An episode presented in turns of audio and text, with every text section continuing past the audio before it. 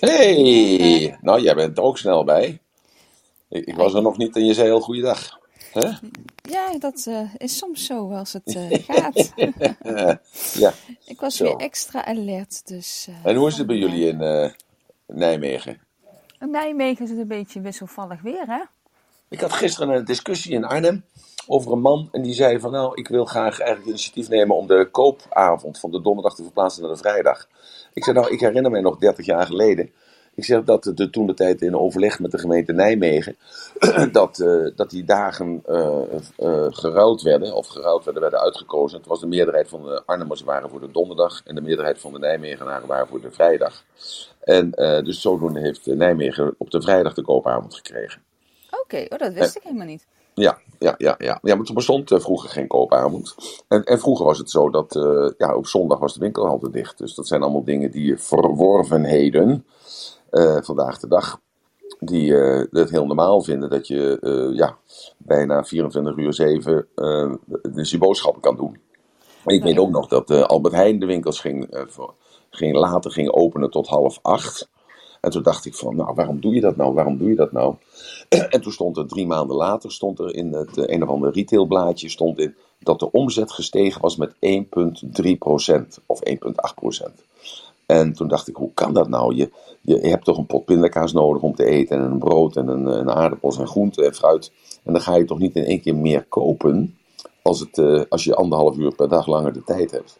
En dat blijkt toch zo te zijn. Dus, en dat dus het voor die koopavonden inderdaad. En voor die Ja. zondagen. Ja, Ja, het is ja, ander gedrag. Je denkt het verschuift, maar het verschuift niet. Mensen kopen meer. Ja, ja, ja. Dus zo zie je dat, eh, dat zien doet toch kopen. Dat is eigenlijk een beetje toch de conclusie. Ja, Nou, we gaan het vandaag wel hebben. nog hoor. Wat zeg je? Ik zei, ik ken die tijden ook nog hoor. Ja, ja, ja. Echt waar? Ja, echt waar. Ik eh, werkte niet op eh, kerst en op, ehm, hoe heet dat? Uh-huh. Ehm, eh, Hemelvaartsdag waren de winkels ook altijd dicht, weet je. Dat is Ja. allemaal niet meer. Dus, Ja, eh, ja, ja. Christelijke feestdagen waren dat. Hè? Goed, we gaan het vandaag hebben wel over een heel moeilijk onderwerp. Zonder dissonantie geen harmonie. En eh, dat werd geïnitieerd gisteren door Robert. En eh, ja, ik, eh, Robert, ik weet niet of Robert al in de, in de room is. Ik zie Eh, Robert nog niet en nee. ik zie Perry helaas ook nog niet. Maar Ja, dat Perry mag de pret niet laten drukken. Dus Nee, eh, nee, we gaan gewoon beginnen. Nou, welkom iedereen eh, op deze mooie eh, dinsdagochtend alweer. En eh, deze room wordt opgenomen. We gaan het vandaag hebben over zonder dissonantie geen harmonie. En eh, wil je over dit onderwerp meepraten? Wil je inbreken in het gesprek of vragen stellen aan Emiel? Voel je vrij om het podium op te komen, want dat wil Emiel graag. Die wil graag in gesprek met jou over dit mooie onderwerp. En dan kunnen we er een mooie room met z'n allen van maken. Het, mag ook iets anders zijn, hè? Dat, je, dat je nog een vraag hebt over gisteren, eh, of dat je er vannacht over nagedacht hebt. Want, eh, want bij mij in mijn kop werkt het zo, dat gisteren dus zei Robert eh, van, ja, met die dissonantie, hè, de harmonie, dus zonder dissonantie is er geen harmonie.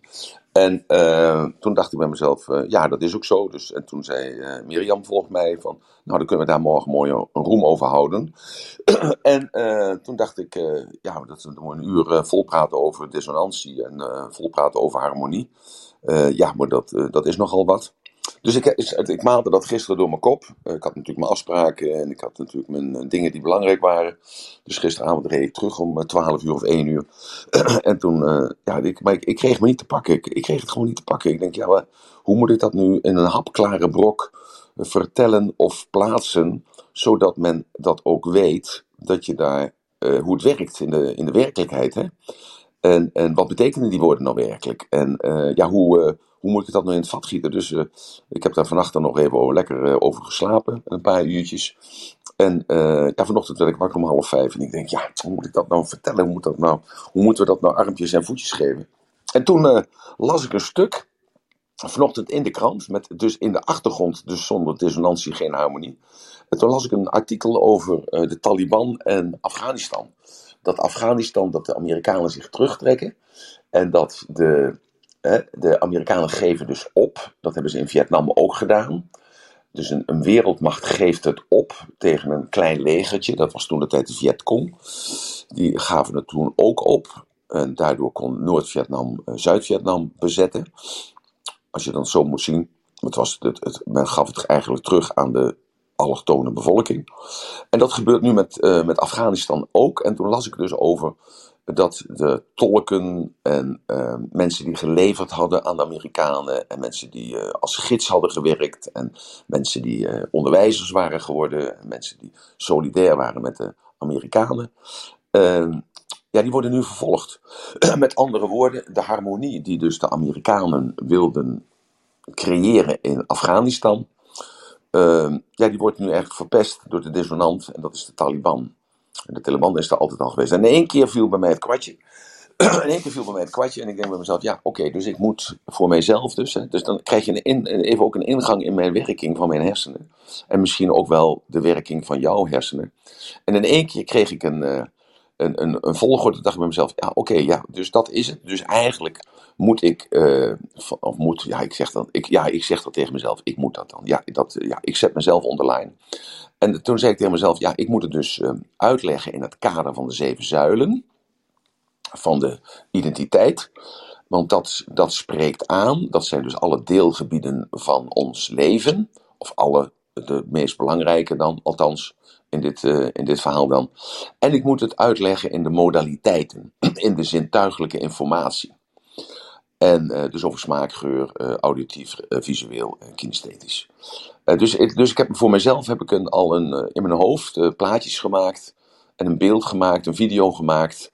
Zo van, dat gaat allemaal onbewust dan, hè. dus waar ik het over zal gaan hebben. Dus dat kader heb ik dan.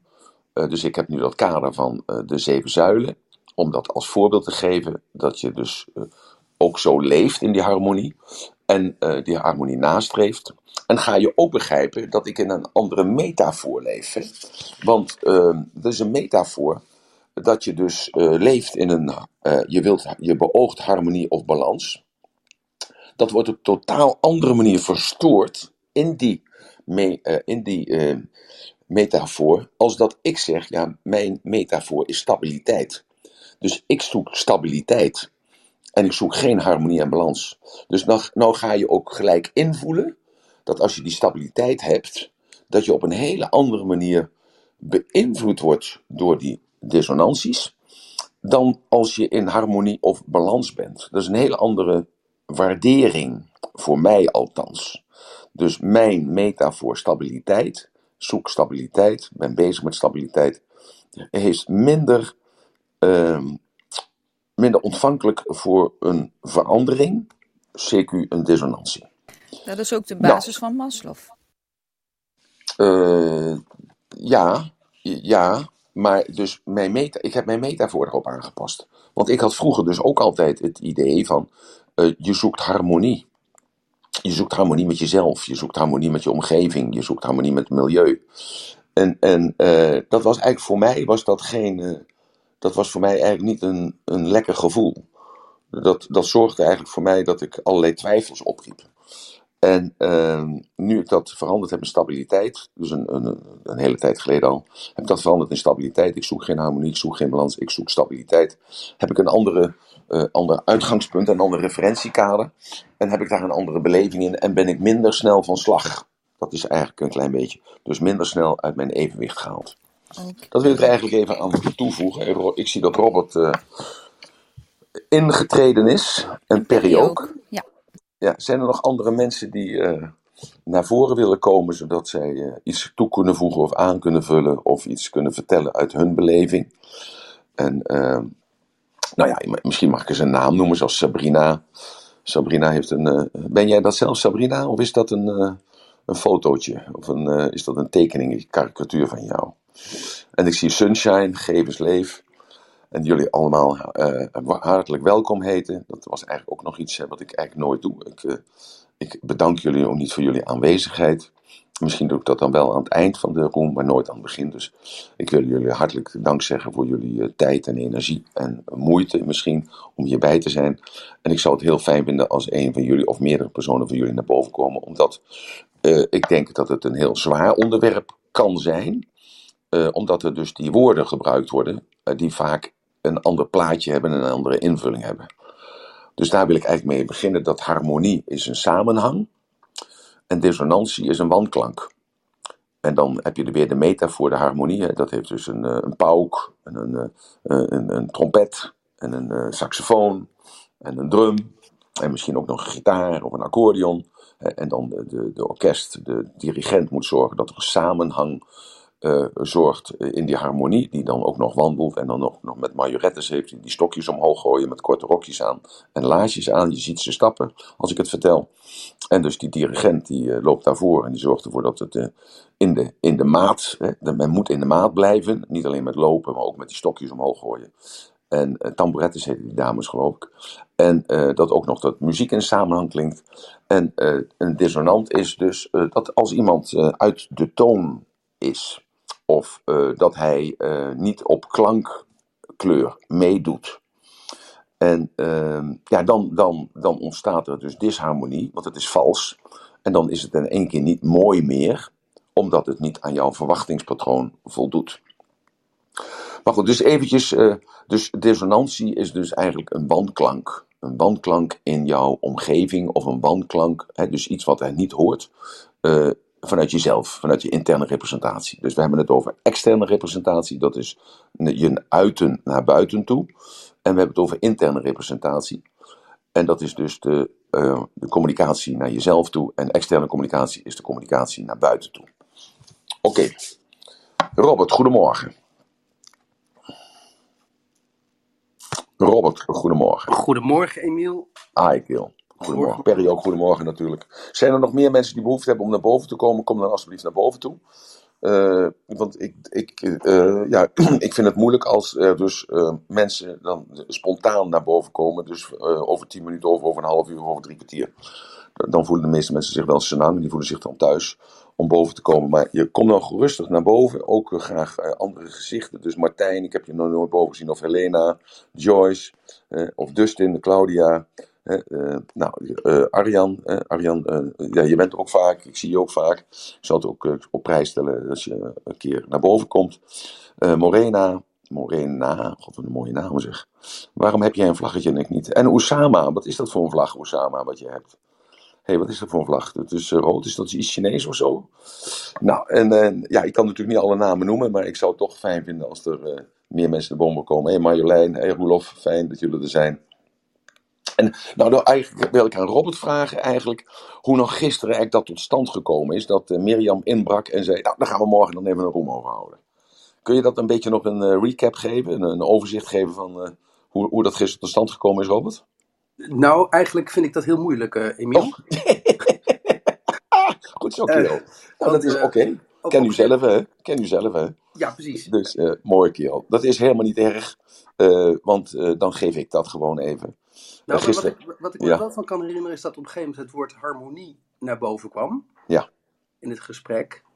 En um, dat, um, dat de harmonie zou dan een bepaalde betekenis hebben. Ja. En uh, toen zei ik ja, maar harmonie kan eigenlijk niet zonder een dissonant. Ja. En toen en, zei ik volmondig ja. Ja, en uh, wat ik daarmee bedoelde te zeggen eigenlijk is dat als je naar een mooi muziekstuk luistert, dan ga ik puur naar de harmonie ja. naar een mooi muziekstuk luistert, dan heb je daarin dissonanten, omdat anders het muziekstuk heel erg saai wordt. Ja. Een muziekstuk wat helemaal in de harmonie is, dat, dat vind, daar vind jij niks aan. Um, dus in een mooi muziekstuk zitten, worden dissonanten ingebouwd. Oké, okay, dat, dat, dat, wist ik niet. Ja, oh, dat maakt, wist ik niet. Ik ja, dacht dat, dat het per ongeluk ging. Nee, nee, nee, dit is expres, want dat maakt okay. het spannend om daarnaar te luisteren. Oké, oké, oké. Anders, anders, ga je zeg maar uit de lucht. Dat is net zo als uh, iemand die volledig harmonie met zichzelf is. Dat is heel wat anders dan de harmonie uh, die je kan vinden in een muziekstuk. Uh, ja. Maar iemand die helemaal in harmonie met zichzelf is, die zou je ook uit kunnen leggen als iemand die altijd zit te pitten. Of ja. iemand, iemand die yes. is al dood, hè? alleen hij weet ja. het nog niet. Hè? Ja. Zo'n figuur.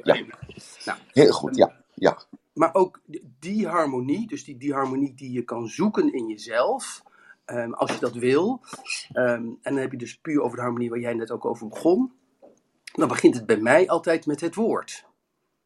He, want ze zeggen altijd, eerst was er niets, en toen was er iets, en toen was er het woord. Ja. En het woord, harmonie, dat vraagt voor mij dan altijd eerst om een hechten van een betekenis aan.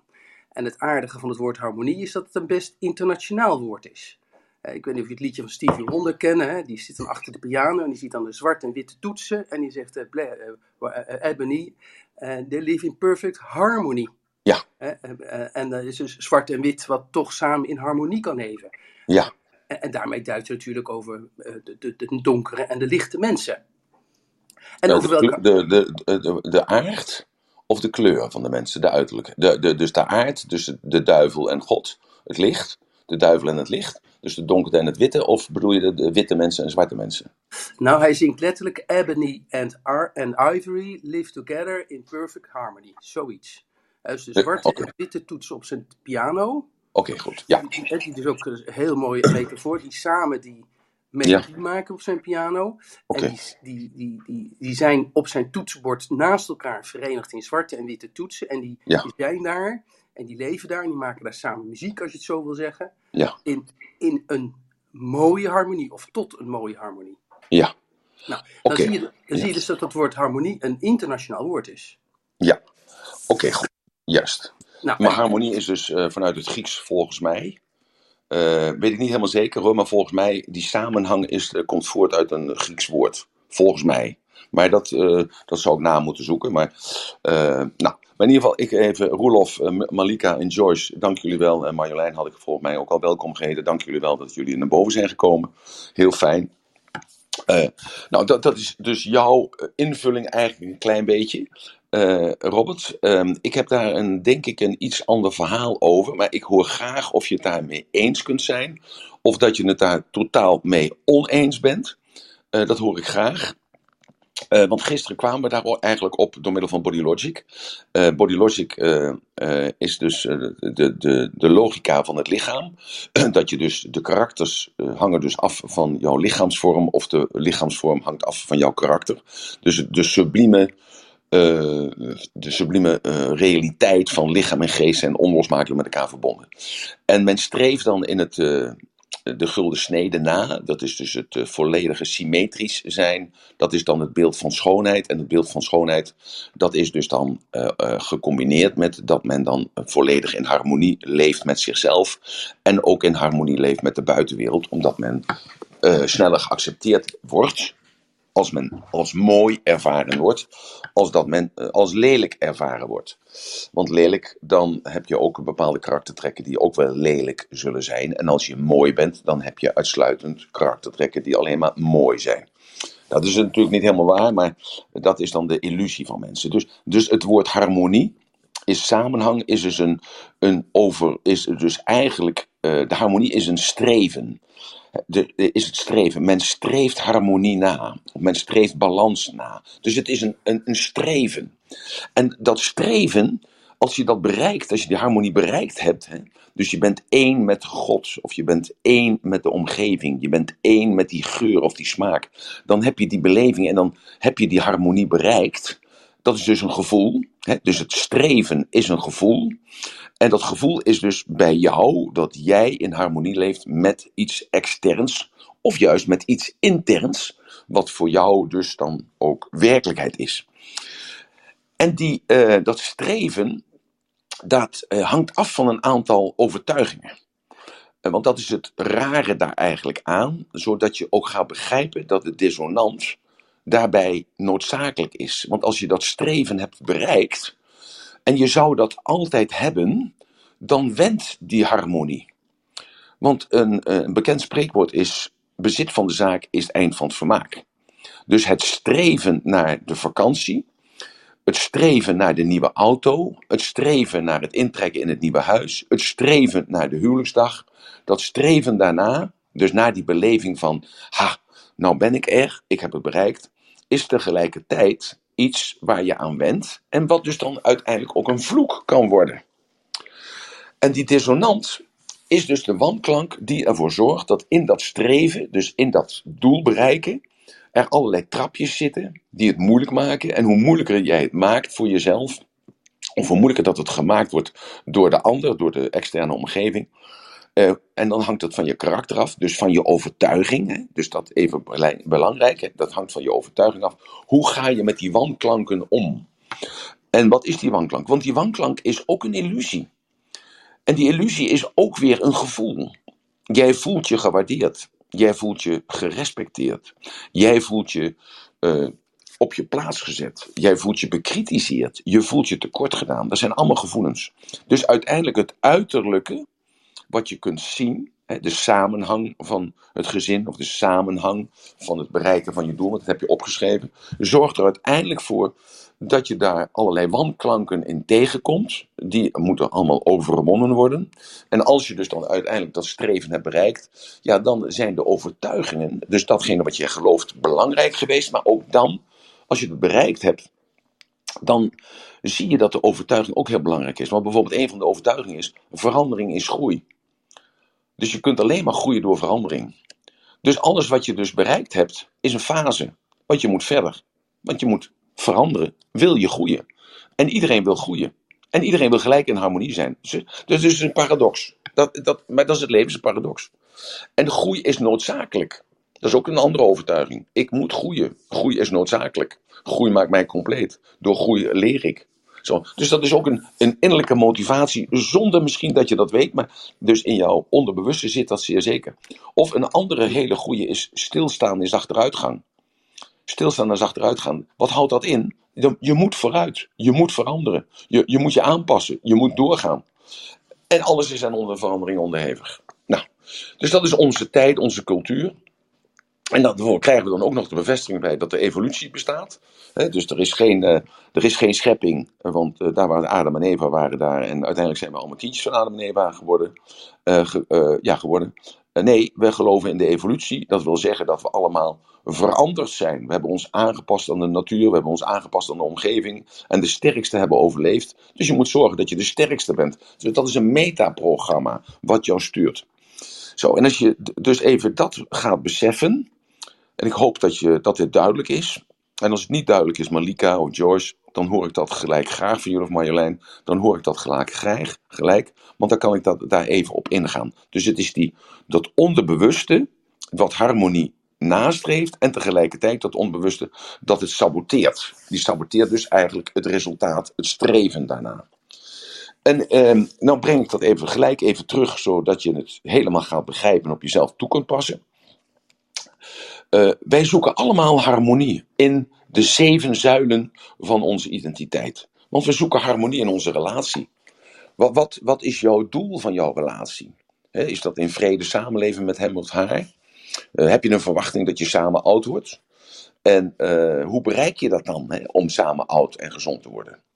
En uh, uh, hoe, hoe kan je dan in harmonie zijn vandaag de dag en in ruststand zijn, want dat is voor mij harmonie. Hoe kun je dan in ruststand zijn als je weet dat houden van een werkwoord is? Dus met houden van moet je dus werken. Het, het doel van een relatie is eigenlijk dat jouw ultieme waarden van liefde, genegenheid, respect, gelijkwaardigheid en noem ze allemaal maar op, vervuld worden en vervuld blijven. Terwijl hij en of jij in een zij, hè, dus altijd onderhevig bent aan allerlei verwachtingen van buitenaf.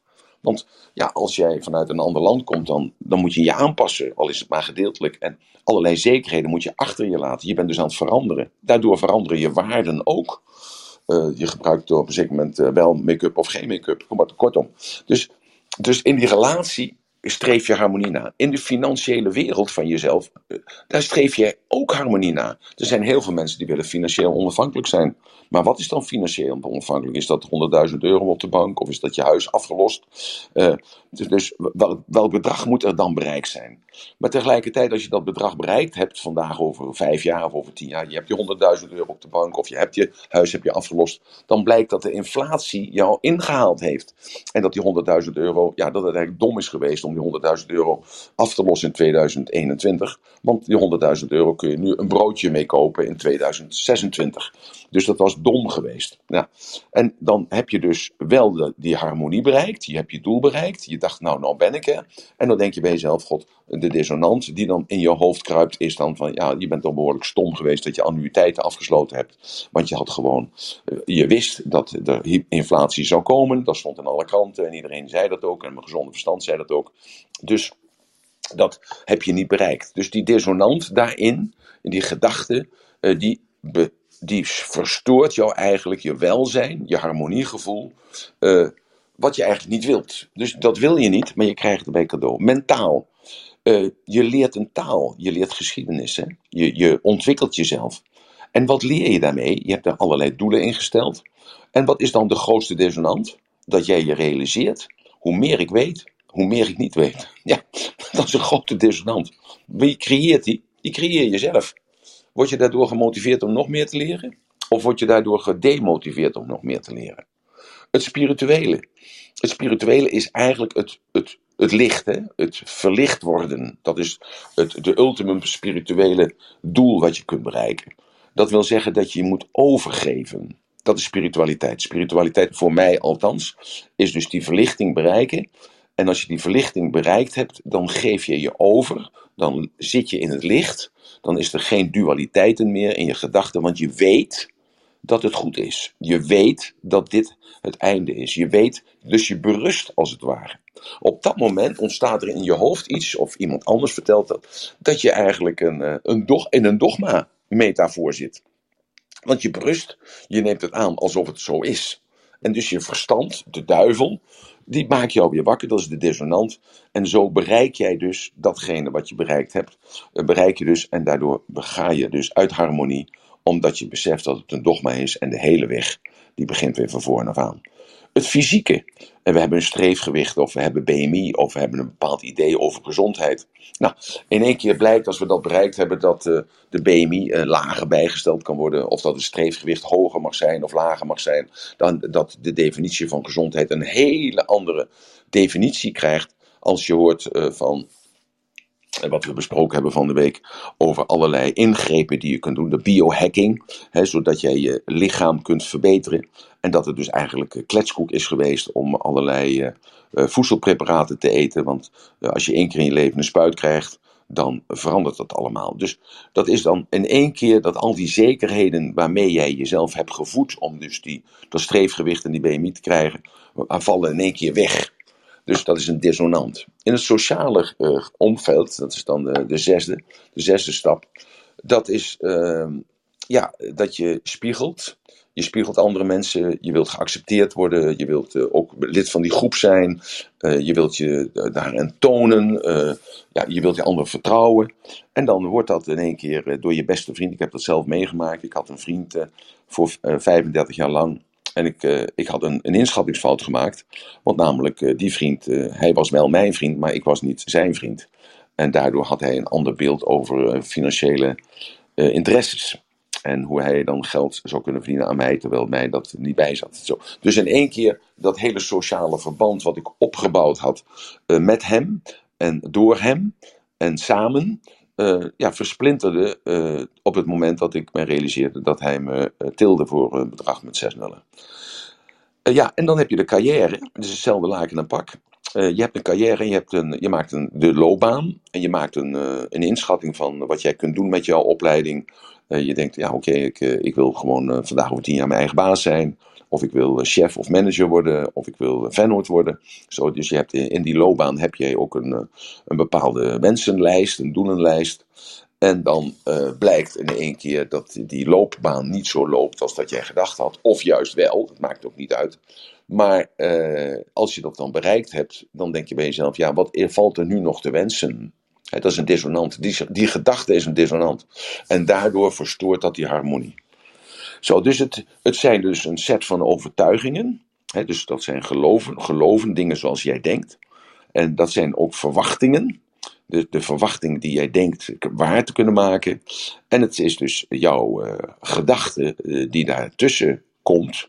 Van ja, maar luisteren, uh, bezit van de zaak is het eind van het vermaak. En geluk duurt maar even. En geluk is ook tegelijkertijd ongeluk, want het blijft maar even. Zo. Dus dat zijn de, de, de dissonanten in, de, in het licht gezien van de zeven zuilen van jouw identiteit. Zijn hier vragen over? Is dit, uh, zijn dit goede voorbeelden? Laat ik, het, laat ik het anders zeggen, zodat je daarin kunt herkennen. Ja, ik heb hier wat vragen over, uh, ja. uh, Emiel, als je dat goed vindt. Ja, ja graag. Um, ik wil ook trouwens even beginnen met iets naast te leggen. Um, harmonie is niet een staat van zijn voor mij. He, dus je bent niet een hele dag in harmonie voor mij is uh, dat ik constant in beweging ben. En ik vergelijk dat eigenlijk een beetje met iemand die op een gespannen koord staat, zo'n koordanser. Ja. die constant zoekt naar evenwicht. en daar soms zelfs een grote stok voor nodig heeft hè, om Ja. die evenwicht te vinden. Dus het is een streven, toch? Het is een streven, toch? Kunnen we dat Ja. dan zeggen? Dus dan kunnen we Nou toch gemeenschappelijk zeggen dat het een streven is, harmonie, te bereiken in, in, een van deze facet, in een van deze zeven facetten van het leven, of in alle zeven facetten van het leven? Ja, dat kan, maar een streven is bewust en sommige streven zijn niet bewust. En het streven van de eh, koordanser is Juist. dat hij niet wil vallen. En dat is een heel bewust streven. En als je naar zijn voeten kijkt, dan staan Ja. die nooit stil. En als je een kindje neemt die datzelfde doet, die je op dat koord zet en die dat uitprobeert, dan is het wel een bewust proces. Ja, maar ja, daar wil ik straks wat over zeggen. Maar ik wil nu even bij die koordanser blijven, Ja, omdat ja. die koordanser voor mij een metafoor is. Ehm, omdat je aan die koordanser kan zien dat hij moet constant in beweging zijn Ja. om die balans of die stabiliteit of die harmonie te vinden. Ja, En zo is die dissonant niet iets die soms langskomt als de duivel of het verstand of voor mij. Maar die dissonant is er, net zo goed dat dat zoeken naar die balans of die harmonie er constant is. En het is dus een constante zoektocht. En het moment ja, dat ja. je die ja. harmonie vindt, is die alweer weg. Ja, oké. Ja, maar dan, dan denk ik dat we hetzelfde zeggen. Eh, dus eh, de, de voorbeelden die ik nu even gaf, gaf hè, dus in die, die zeven zuilen, om het eh, hap, hapklare brokken te maken. Dat is ook altijd een. dat, dat heb ik eigenlijk ook zo proberen te duiden. Dus dat doel in de relatie is dus dat je de verwachting. Dat je dus die waarden eh, met elkaar gelijk hebt en dat je dus een aantal dingen krijgt uit die relatie. En dat dat vaak een illusie blijkt. En eh, dat, is dan, dat, wordt dan, dat wordt dan eigenlijk de dissonant. En dan kun je daar aan gaan werken. Of je kunt erin berusten en je gaat uit elkaar. Zo, dus, maar wat, wat ik eigenlijk wil zeggen is, dus ook bij de metafoor van jou te blijven, bij de koordanser. Hij is voortdurend bezig met zijn li- lichaam en met zijn geest en met alles. Om dus maar niet naar beneden te vallen en om recht door, over dat koord te kunnen blijven lopen. En die momenten dat hij stap voor stap even dat evenwicht heeft, dat is voor jou harmonie. Nou, op dat moment vindt hij zijn stabiliteit. Juist, En ja. Het, is een, het is een metafoor, hè, dus het is gewoon een Ja. idee om harmonie te beschrijven, maar ook dissonant te beschrijven. Ja. Hij wordt dus constant aangevallen aan alle kanten door Juist. dat onevenwicht. En zijn zoektocht is het vinden van het moment van evenwicht. Ja, exact. En dat moment is alweer voorbij eh, Ja. op het moment dat hij zich realiseert. Ja, exact. En ik, eh, we zijn het helemaal met elkaar eens. Dus de onevenwichtigheid, die, eh, die wisselt er af met, de, de, met het evenwicht. Hè? Met, Ja. de, met de harmonie, met de balans, met de, de, de stabiliteit. Ja. En dat, dat heb ik dan ook proberen te vertellen, dat in die zeven zuilen je probeert die harmonie te vinden. Hè? Dus je hebt de doelen daarin. Dat is dus dan een verwachtingspatroon van jezelf. En als je dat doel bereikt hebt, dan blijkt dat doel dus een beleving te zijn, die harmonie. Nou, ben ik er, ik heb mijn huis afgelost. Nou ben ik er. En dan in één keer eh, lees je een artikel in de krant, zoals ik vanochtend dat eh, artikel las van eh, Afghanistan en de Taliban. dat ik in één keer dacht, oh, nou begrijp ik het eigenlijk. Hè. Dus de Amerikanen wilden harmonie, even positief, positief nu zeggen, dus zonder enige politieke bijwerkingen. Dus de, de, Amerikanen wilden harmonie creëren in Afghanistan, dat, zoals ze dat ook wilden in Vietnam. Er waren natuurlijk economische redenen, dat, dat was natuurlijk ook de reden, maar we zullen maar even positief blijven kijken van harmonie. Ze wilden harmonie in samenleving creëren en dat eh, is niet gelukt. Ze treden terug. En de dissonant waar ze tegen gevochten hebben, dat wordt dus nu eigenlijk de veroorzaker van de, eh, van de vrede die nu komt. Dat, want dat streefden ze na. Alleen de uiterlijke vormen, hè, dus de, de voorwaarden waar, wat de Taliban als eh, de overtuigingen die de Taliban heeft, hoe moet de vrijheid in een land eruit zien, zijn volledig anders dan dat de Amerikanen hadden.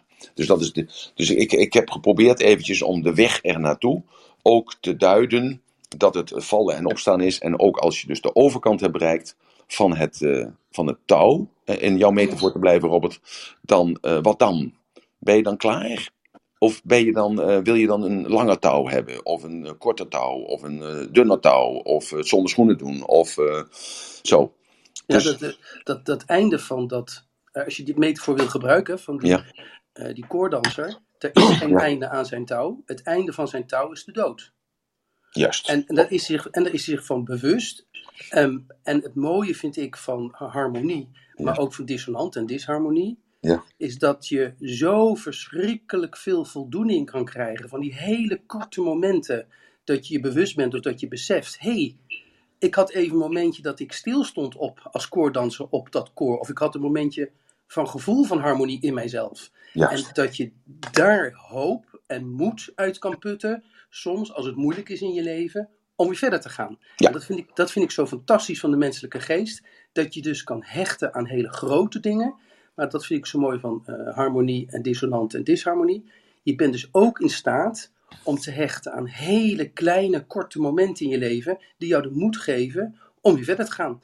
Ik geef een voorbeeld. Je hebt vaak gezegd, Emiel, dat je het moeilijk vindt als mensen tegen jou zeggen, wat ik ook heel vaak tegen jou heb gezegd, jij geeft heel veel. En in dat geven kan die ander reactief zijn. Die kan reageren op wat jij zegt, maar jij bent de aangever. Degene Mhm. die reageert niet. Ik nu ook niet. Jij geeft aan, jij neemt initiatief en die ander die reageert erop. En als je dan daarvoor bedankt wordt, heb ik al heel vaak meegemaakt dat je dan nou niet verlegen wordt, maar dan zeg je van ja, daar kan ik eigenlijk slecht mee omgaan. Ja. Maar dat zou wel zo'n mo- moment kunnen zijn dat je iets terugkrijgt waar je bijvoorbeeld uit kan, eh, dat je zou kunnen gebruiken als het moment dat jij als koordanser op jouw leven denkt van hé, hey, ik voel even een moment van balans. Want ik geef Ja. en ik krijg terug. Ja, maar ik, mijn overtuiging is anders dat het mij gegeven is. het wordt mij gegeven. En eh, wat ik geef, geef ik door. En ik hoef niet ehm, daar dankbaar voor te zijn dat ik dan wat terugkrijg. Want dat is niet voor mij bestemd. Dat is voor mijn gever met een hoofdletter geschreven bestemd. Dus, dus, dus ik ben een doorgeefluik. Ik ben een doorgeefluik met wat ik geef aan kennis. En ik ben ook een doorgeefluik voor datgene, eh, voor de dankbaarheid van de ander. Ja, maar als die ander nou niet jou dankt, maar jouw, Ja. aange- maar jouw aangever dankt, dan kan Ja, je dat ik toch ook aannemen in Ja, dankbaarheid? ja maar dan, ik neem het ook in dank aan, maar ik geef het door. Dus dat is Ja. heel iets anders dan dat ik het in mijn zak stop. ja, ja, dat ik. Ja, ja. Perry? Ja. Perry Ik hoorde iets zeggen. Ik, ik hoorde iemand schreeuwen, ja? Ja. Ja. Nou, ik, ik schreeuwde niet, maar Nee. eh, ja, ik wil- ik wel eh, eh, even, even door, graag even door. Want dit lijkt wel een psychologische les voor je, Emiel. Eh, ik wil even noemen dat, eh, ja, jouw monoloog mag ik het misschien wel noemen. Eh, mooi, mooi, dat resoneert helemaal met me. Ik, ik, ik zie ook eh, concrete voorbeelden in mijn hoofd voorbij komen waar we allemaal mee worstelen in de maatschappij. Waar jouw woorden volgens mij ja, echt heel mooi, mooi over spreken. Ik, ik bedacht eigenlijk twee eh, synoniemen voor deze titel. De eerste was zonder chaos geen orde. En, en waar ik vooral mee te maken heb gehad is zonder het be- be- begrijpen van je eigen cognitieve dissonanties krijg je geen spirituele harmonie. Eh, dat even terzijde. Eh, we kwamen natuurlijk via dat getal 6 daar een beetje op. Ik heb geleerd op internet dat eh 6 staat voor liefde en harmonie. En ja, ik kan me alleen maar conformeren aan wat jij over harmonie vertelt, Emiel. Prachtig, prachtig mooi. Ik wil het ook proberen kort te houden. Ik heb nog een cliffhanger van gisteren. Ik weet niet of we die nu al gaan doen, want er komt volgens mij ook weer heel veel uit eh Emiel vandaan als ik daarover begin. Misschien eh, eerst de andere mensen even tijd geven voor hun vragen, want die zijn ook niet voor niks boven. En als er voor half elf nog tijd over is, wil ik wel met mijn cliffhanger terugkomen die ik gisteren gecreëerd heb. Want die. Mhm. is toch, toch wel weer van een an- andere orde, zeg maar. Oké, nou een andere laag, dat is ook goed. Hè, want we worden ons bewust van het feit eh, dat eigenlijk dus die, die mooie zin hè, van de harmonie, eh, de dissonan- kan niet zonder dissonantie. eh, dat dat, waar komt dat nu vandaan? Is dat intern of extern? Dus maar even bij die metafoor te blijven van Robert, wat een hele mooie is. Van die, eh, die, die, die man die over eh, touw heen loopt. Ehm, ja, dit, het, is, het kan iets externs zijn. Hè? Want iemand kan een schoen gooien naar die persoon die over dat, eh, over dat, eh, dat eh, touw balanceert. Maar hij kan ook eh, tegen zichzelf zeggen van... ik moet nu oppassen, ik moet niet vallen, ik moet niet vallen, ik moet niet vallen. Nou, dan valt hij, dan valt hij natuurlijk. Zo, dus dat zijn dus dissonanties die extern zijn en dissonanties die intern zijn. Maar ik, ik denk dat ik nog even... ehm, dus die paradox, Robert, daarin... Hè, tenminste, voor mij is dat een paradox. Hè? Je, je stelt dus doelen om die te bereiken, want dan zul je gelukkig zijn. Maar dan ben je er. En dan eh, moet je dus weer een nieuw doel stellen om nog gelukkiger te zijn dan dat je was. Dus eh, dat zijn voor mij juist die momenten. Dus dat, dat kun je ook op dat koordansen betrekken. Je, gaat, je, je realiseert je, ik ga naar de overkant, dat zijn twintig stapjes. Nou, elk stapje is een strijd, want elk stapje is, eh, je kunt links vallen, je kunt rechts vallen, je kunt vooruit vallen, je kunt achteruit vallen. Eh, en dan elke keer eh, op het moment supreme dat je weer dat stapje hebt gezet, dan heb je weer een klein doeletje bereikt, wat uiteindelijk een klein doeletje is om dat grote doel te bereiken, dus aan de overkant te bereiken. Nou, en als je dat dan bereikt hebt en je hebt dat de honderdduizend keer gedaan, dan, ja, dan de, de honderdduizendste keer, dan loop je gewoon, dan ren je gewoon over de touw en hoef je niet meer over na te denken. Dus dan moet je een nieuw doel stellen. Dus, dus die, die, die, die, die dissonant, dus die wanklank, is ook iets constructiefs. En dat heb je zo mooi uitgelegd, uh, Robert, met, met je muziek. Hè? Dat wist ik dus helemaal niet. Dat dus in die harmonie, dat daar dus juist die wanklank ervoor zorgt dat, dat die afwisseling komt. En dat dat uh, juist zo leuk is en zo spannend maakt. Dat, dat wist ik helemaal niet. En dus in die muziek geldt dat ook. En dat geldt in het uiterlijk ook. Want in het uiterlijk, als iemand echt helemaal symmetrisch is. Ik zat van de week ergens te kijken naar een of andere film op Netflix. En daar kwam een vrouw voorbij. Dat was een vrouw van de misdadiger. En, uh, en ik kon mijn gezicht niet van die vrouw afhouden. Dat was gewoon, ik, ik was helemaal gebiologeerd zat ik naar die vrouw te kijken. Want die vrouw die was helemaal symmetrisch. En die was daardoor zo afstotend. Uh, dat ik dacht bij mezelf, ja zie je, dat is nou echt body logic. Die vrouw is zo afstotend met die ogen en die lippen en die neus. En je zag ook duidelijk dat het dus gewoon artificial was. Het was gewoon niet echt. En toen dacht ik, ja, wat, wat is het nu? Is het nu omdat het artificial is, omdat het er zo dik bovenop ligt? Of is het nu gewoon die symmetrie dat het überhaupt uh, ja, afstotend maakt? Omdat het zo subliem, uh, ja, een toppunt van de schepping zou moeten zijn eigenlijk. Dus, ja, dus die vraag die stelde ik hem. Zo, en dat, dat is dus de paradox eigenlijk. Dus de paradox waar we in mogen leven. En daarom is het zo, die metafoor waar je jezelf in geplaatst hebt, hè, dat, dat zorgt ook weer voor dus andere dingen. Zoals ik dan zeg, ik zoek balans. En Robert zegt, ja, het gaat harmonie. En, heeft een, en iedereen heeft daar weer een andere betekenis voor. Maar ik heb het eventjes voor mezelf eens teruggebracht, even naar de vijf zintuigen. Emiel? Dus die, die, ja. Volgens mij wilde Perry nog even reageren. Oh, sorry. Ja, sorry, neem me niet kwalijk. Goed dat je het zegt, Manus. Uh, Dankjewel. uh, niet, niet zozeer hoor. Ik, ik heb wel mijn reactie gegeven. Ik vind het gewoon wel verschrikkelijk fijn om naar Emiel te luisteren. Zeker zijn reacties op de vragen. Dus ik, ik hoor eigenlijk meer, meer, het liever meer vragen. Oké, okay, ja, jij had je microfoon nog weer uitstaan. Daarom dacht ik van, hé, hey, jij wil nog wat toevoegen. Um, wat ik wel interessant vind om nog te noemen, is er werd net ook genoemd, ja, er gaat heel veel aan bij mij als, als Emiel praat. Uh, um, er werd net evolutie genoemd. En, en ik denk dat de evolutietheorie uh, voor zichzelf bewijst dat degene die zich het snelst aanpast aan zijn omgeving de grootste kans heeft om te overleven. Ja, ik, dat zeggen dat je met al die idioterie mee moet doen. ja, maar welke idioterie, welke idioterie bedoel je dan? Nou, dan bepaal je zelf wat idioterie is. Dat gaat, dat, dat, uh, als jouw waarden verkracht worden door uh, bepaalde ideeën over ontwikkeling, ja, dan stap ik uit. En jij stapt ook uit. Dat doe je bewust of onbewust. Maar het, het gaat alleen even om, om te laten zien hoe dat, dat evolutie-idee. Ik op seminars doe ik vaak van uh, wie gelooft in evolutie, wie gelooft er in schepping. Uh, dan, is ongeveer uh, 5% van de mensen die geloven in schepping en 95% die geloven in evolutie. En dan ga ik uitleggen wat evolutie is. Dat is een verhaaltje van een kwartier of, een, een half uur. En ik ga uitleggen wat schepping is. Dat is een verhaaltje van 5 minuten. En dan zie ik dat die 5 personen, dat worden er ongeveer 55. En de mensen die in evolutietheorie geloofden, die worden 45. Maar tot aan dat moment is die evolutietheorie wel een overtuiging geworden zonder dat je dat weet. En uh, dat wil zeggen dat je dus uh, moet veranderen, wil je beter worden. Want dat is de onderliggende boodschap. En alleen de sterkste, en jij wil graag natuurlijk bij de sterkste horen, die passen zich aan en die veranderen het snelst. Zo, dus dat is ook uh, iets wat erin zit en dat staat haaks op andere dingen om harmonie te bereiken. Dus dat is de, de eeuwige onrust omdat dat geladen wordt, dat metaprogramma, is dat, wordt dat eigenlijk omdat het onbewust werkt, geladen wordt met bevestigingen uit de samenleving. Uh, met marketing en reclame en met allerlei soorten uitingen op uh, social media. Dat je echt je aan moet passen. Want vroeger waren er, uh, was er maar één soort kleding. Dat herinner ik mij nog. Dat had je dan aan. Toen werden, kwamen er de zomer- en de winterkleding. Dat kwam in de welvaart van de jaren 50, 60. En toen waren er ook nog maar twee collecties. Een zomercollectie en een wintercollectie. Dat was, lag dan in de winkels. En vandaag de dag heb je al winkels die hebben dagelijks collecties. Die veranderen dus elke dag met hun collectie. En die hebben een, eh, een algoritme en die kunnen voorspellen wat de mode zal worden vandaag over drie weken. Want die hebben een aanmaakperiode van drie weken en zo krijg je een self-fulfilling prophecy.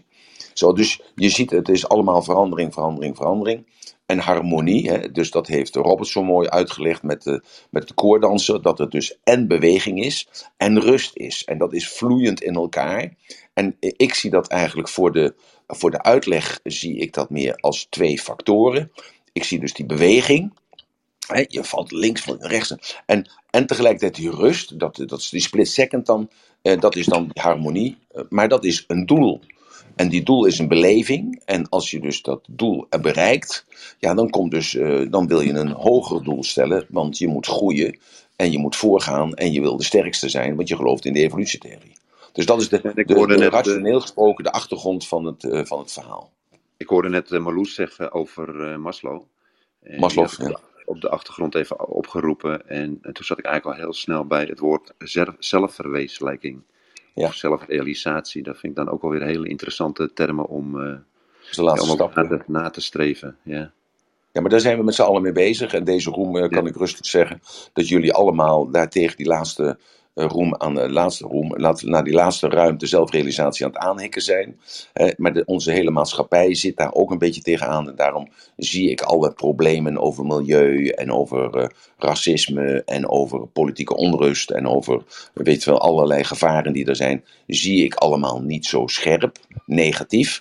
Ik zie dat juist meer als kansen en als mogelijkheden om juist uh, dat te handhaven en te verbeteren, onze welvaart en onze samenwerking en onze multiculturele samenleving, om die te verbeteren, zodat we allemaal naar die zelfrealisatie toe kunnen gaan. En ik, mijn stelling is, uh, Perry, dat uh, alleen de, macht van het kapitaal, de politiek en de religie, die weerhouden ons daarvan, want die weten dat allemaal en die uh, oefenen dat ook al eeuwen uit bij zichzelf.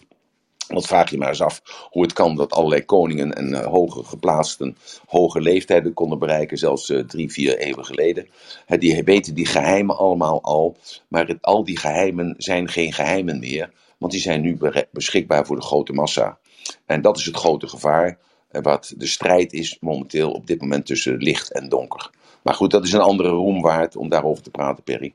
En ja, ik, uh, dat heeft daar weer mee te maken. Ik heb nog ja? een kleine, kleine aanvulling en dan ben ik wel klaar met spreken en luisteren. um, uiteindelijk heb ik die zes in mijn nek laten tatoeëren met, met als uh, watermerk het wietblad erin. Dat heeft mij heel erg geholpen in, in de ondersteuning van mijn uh, psychiatrische behandeling. Mm -hmm. um, ja, wat jij nu allemaal vertelt, helpt mij gewoon heel erg ook weer zelfvertrouwen op te bouwen. Dat, dat, dat waar ik al mee bezig was, ja, bevestig jij eigenlijk voor mij dat dat gewoon een goed pad is. Daar moet ik gewoon lekker mee doorgaan. Ja, maar dat is zo. Uh, zelfvertrouwen is, uh, creëer je door afspraken met jezelf te maken en je daaraan te houden. Klopt. Zo, dat is uh, nou, dus dat is ook weer simpel gewoon gezegd. Ik, maak, ja, ik chunk het niet up, maar ik chunk het down. Hè? Dus ik maak het niet gecompliceerder, maar ik maak het altijd simpeler. En ik denk dat dat mijn gave is die ik mag gebruiken. Omdat ik die gave heb ontwikkeld als kind zijn dat ik niet mee kon komen op school. En dus ben ik sterk gaan visualiseren en ik heb het in stukjes gehakt, zodat ik kon reproduceren. En dat is dan uh, nu een gave geworden, of een deugd geworden eigenlijk als het ware. Dus zo zie je dus dat ik van die harmonie van, uh, de harmonie van uh, onwetendheid en de harmonie van dom zijn, dat ik daar de dissonant op losgelaten heb van, ja, dit wil ik niet. En ik, ik ga mezelf veranderen, want ik wil niet stom gevonden worden en ik wil ook niet stom zijn voor mezelf. Nee. Ik wil die, die cliffhanger toch bewaren voor. even voor je zou niks meer zeggen, zei je net. Uh, nee, die wil ik even bewaren voor, even voor, voor, half elf, want die cliffhanger die hangt er gewoon nog steeds. Okay, uh, dat is misschien nou, wel een onderwerp voor uh, morgen. Of nou, dat zien we dan wel. Helemaal goed, Perry. Doen we zo. Top. Ja, dank okay, wel. Hey, ja, Maak hij, even... gaat, hij, gaat, hey, hey, Marloes, hij gaat er al vanuit tot tot half elf duurt. Ja, dus, daarom. Dan wilde ik nou net zeggen dat we dat even zien hoe het loopt, maar dat maakt niet uit, Perry. Ja, ja, ja, ik wilde hem even meteen de gelegenheid gebruik maken om even de room te refreshen voor de mensen die nieuw zijn en... Um, die eventjes later ingestapt zijn. We hebben het vandaag over zonder dissonantie geen harmonie. En eigenlijk naar aanleiding van de zeven zuilen heeft Emile uh, verteld dat je um, altijd streeft naar die harmonie, die balans of die, um, uh, dat evenwicht. Hè. Robert die gaf aan een mooie koordanser. Maar dat zo gauw je die bereikt, is die eigenlijk ook weer weg. En uh, dat je bij elk van die zeven zuilen echt een dissonant in je hebt. Een overtuiging vanuit jezelf of extern, die dus ervoor zorgt dat je weer getriggerd wordt om nieuwe um, doelen, verwachtingen te scheppen voor jezelf, omdat je wil blijven groeien. Ja. Um, dat is de paradox dus eigenlijk. Hè? Heel goed paradox, gezegd, maar ja. Ja, uh, Marjolein, uh, Roelof en Malika, jullie staan ook al een poosje op het podium. Joyce is helaas uh, gegaan. hebben jullie nog een vraag of een toevoeging aan Emiel? Goedemorgen, Emiel en Hallo. iedereen. Hi Malika. hoi. het enige wat heel de tijd door mijn hoofd ja, spreekt, is eigenlijk het woord beproeving. in het kader van dissonantie en harmonie. Ja. Dat je allemaal beproevingen krijgt. Dus op die manier interpreteer ik hem. Is dat ook een. Uh, in mijn waarheid is het natuurlijk een, ideaal, het is een goede interpretatie. Maar hoe kijk jij daar tegenaan als ik zeg dat het een beproef, dat de dissonantie de beproevingen zijn die je door in het leven meemaakt? Ja, het is maar hoe je de beproevingen, uh, hoe je dat voor jezelf geëtiketteerd hebt. Beproeving is voor mij uh, iets heel zwaars. Dus dat is het, uh, het kruis, zeg maar als het ware, hè, wat je draagt. Of de, de wond die je meekrijgt, dus vanuit je verleden. Uh, dus dat is de beproeving die, die je echt met jezelf meedraagt. Dat is voor mij dus een hele zware beproeving. Uh, je zou het ook een dissonant kunnen noemen, omdat het een, uh, iets is wat niet normaal is en wat je ook probeert te vermijden. Dus als je het ziet in het, de metafoor van Robert weer met het koordanser, ja, dan is natuurlijk het, het ergste is natuurlijk uh, dat hij vreest dat hij naar beneden valt als hij over de Nier, nier, Niagara, Ja. de watervallen heen loopt. Uh, dus ja, dat is, als het jou een goed gevoel geeft, dan is dat oké. Dus het woord beproeving. En als het jou een, een, uh, dus een, stimulans is voor jou, dat, dat, dat het, jij in die beproeving zit, dat je dus beproefd wordt door uh, het goddelijke of door het, uh, het, universum. En dat jij je daardoor uitgedaagd voelt en dat jij daardoor sneller door dat proces heen gaat, ja, dan is dat goed. Ja, ja zo, zie ik het, uh, zo zie ik het wel een beetje. Misschien moet ik het nog even laten bezinken, maar zo zie ik het inderdaad nu wel een beetje. Dat, beproeving is voor mij niet heel zwaar. Het kan heel zwaar zijn. Zie, ja, er ja. zijn ook inderdaad uh, wat lichtere beproevingen of die je leven net een andere wending geven, waardoor je net een andere keuze moet maken om inderdaad die harmonie te bewaren. Ja, maar dit, dit, het, het is juist, eh, dat is dan weer het mooie. Ik, ik, ik haal dat nu geloof ik voor de vijfde keer aan. dat was die Marokkaanse politieagent een, uh, zes weken geleden, geloof ik. En die vertelde dus dat hij als uh, Marokkaanse jongeling uh, van zijn vader naar de moskee moest. Dat hij daar eigenlijk een hekel aan had. dat hij achter de meiden aan zat. En eigenlijk alles deed wat, wat, wat niet moest en niet hoefde. En toen moest hij ook nog mee naar Marokko vakantie. Dat was een jaar of 19 was hij. En uh, hij zat achter in die auto en dan 40 kilometer voor Maria, maar, maar uh, nou ja, in ieder geval voor de plaats waar de ferry over zou gaan, kreeg ze een ongeluk. Die auto sloeg over de kop. En dat moment dat die auto over de kop sloeg, zorgde ervoor bij hem, dus dat is een dissonantie in de harmonie die er was, op reis naar, zorgde ervoor bij hem dat hij in één keer zich besefte wat hij, dat hij zuinig mocht zijn op al datgene wat hij had. Want het kon zomaar afgenomen worden. Dus dat is een inzicht. Je kunt ook zeggen het is een beproeving. Je kunt ook zeggen het is een je kunt ook zeggen van de, ja, het, stelt helemaal niks voor en hij maakt er gewoon wat vreselijks van. Of uh, het, het zaad van zijn vader komt uh, tot, tot bloei. Want het wordt besprenkeld met de vocht van, het, van transpiratie en van bloed van het ongeluk. Ja, je kunt het net zo maken als je zelf wil. maar het gaat erom dat hij toen zei, en dat vond ik het mooie eraan, dat hij dat inzicht kreeg. Dat dus wat Mohammed ook uh, ergens zegt, uh, in, terwijl hij Medina ingenomen heeft, geloof ik. Dat, Madonna, uh, Madonna, dat, dat Mohammed zegt tegen die man, dus de, de, de legerofficier of de koning van Medina, dat hij het hem vergeeft. En dat hij, dat hij hem dat vergeeft en tegelijkertijd laat beseffen dat je er niet bij stilstaat dat alles, dat het goede, de voorspoed, jou gegund wordt en dat Allah je dat zomaar af kan pakken. En dat inzicht had hij. Dus ja, is dat dan een beproeving? Of is dat dan een inzicht? Of is dat een mooi verhaal? Of is dat een metafoor? Het werkt voor hem. Dus, uh, en, dat, ik, en ik vind het een heel mooi sprekend beeld, omdat het juist laat zien dat je dus in een split second kunt veranderen. Van negatief naar positief. Althans in de ogen van zijn vader natuurlijk. En ook in zijn eigen ogen veranderde hij van negatief naar positief. Omdat hij in één keer op dat moment kon leven naar de wetten van de moslim, van de islam. Ja, Emiel? zo, zo zie ik het inderdaad. Mooi, dankjewel Emiel. Nou, Is het dan ook niet uh, de lading die je geeft aan bepaalde woorden? Ja, ja, je maar de- noemt het beproeving, je ja, kunt het ja, ja. uitdaging noemen. Ja. Ja, Ja, maar daarom is het dus zo moeilijk om te, te spreken uh, te, tegen mensen uh, die ik niet zie en niet aan kan raken en niet gelijk uh, non-verbaal kunnen reageren. Want ik, ik, kan niet meten en eiken. Dus ik, ik heb een monoloog en ik vertel dat dan en ik verzin dat dan ter plekke. En dan, maar ik kan niet meten of eiken of dat woord wat ik zeg, of dat kwetsend is. Of dat het woord aanstootgevend is. Of dat het juist het woord motiverend is. Of, ja, want iedereen heeft een ander beeld voor dat woord. En ja, ik probeer, ik probeer dan uniformiteit te krijgen. Dus harmonie te creëren in de harmonie van, van mensen die nu aanwezig zijn. Ja, en af en toe dan dan zeg ik toch een eh, dissonant. En dan heb ik net geleerd van Robert weer, fantastisch Robert, dat juist die dissonanten die ik heb, dat dat juist aantrekkelijk maakt. Dat je blijft luisteren. Ja, juist. Ja, want ik zat nog te denken, hoe heette die meneer van Van Duinen, waar jij die muziek uh, rooms mee hebt gehost? Van Duinen? Ja, hij heette toch Van Duinen, die, die zoveel over muziek weet, die muzikant. Oh, dat weet ik niet meer. Dat is alweer zo lang geleden. Oh, ik kom er ook nog. Maar dat maakt niet uit. We hebben Yvonne op het podium. Yvonne, wilde jij nog inhaken op wat er net gezegd is? Of luister je even mee? Ja, dankjewel. Ja, um, ja weer een mooi, uh, mooi onderwerp. Um, ik wilde even op de, op de, op de titel eigenlijk uh, inhaken. Zonder dissonantie geen harmonie. En uh, ja, mijn specialisme is natuurlijk relaties. En uh, wat ik heel vaak heb gezien is dat mensen zo streven naar harmonie dat ze eigenlijk bang zijn om de discussie met hun partner aan te gaan. En uh, dat ze dan dus eigenlijk te veel slikken. Uh, waardoor de relatie eigenlijk alleen maar slechter wordt. Dus het lijkt dan dat ze die harmonie en die balans erin houden. Maar ondertussen leveren ze heel erg veel in, terwijl ze dat niet benoemen. En dat verslechtert de relatie. Dus soms moet je gewoon uh, eventjes de strijd aangaan, dus de dissonantie, om de harmonie te kunnen bewaren. Dat is eigenlijk wat ik wilde zeggen. Ja, dat is mooi gezegd, uh, uh, Yvonne. ik denk ook wel zo dat juist het moment vasthouden, waar je eigenlijk naartoe gaat, het moment vasthouden van de man of van de vrouw in de relatie, ervoor zorgt dat hij of zij juist in die vermogende stemming blijven en juist die extra dingen doen om die relatie stand te laten houden.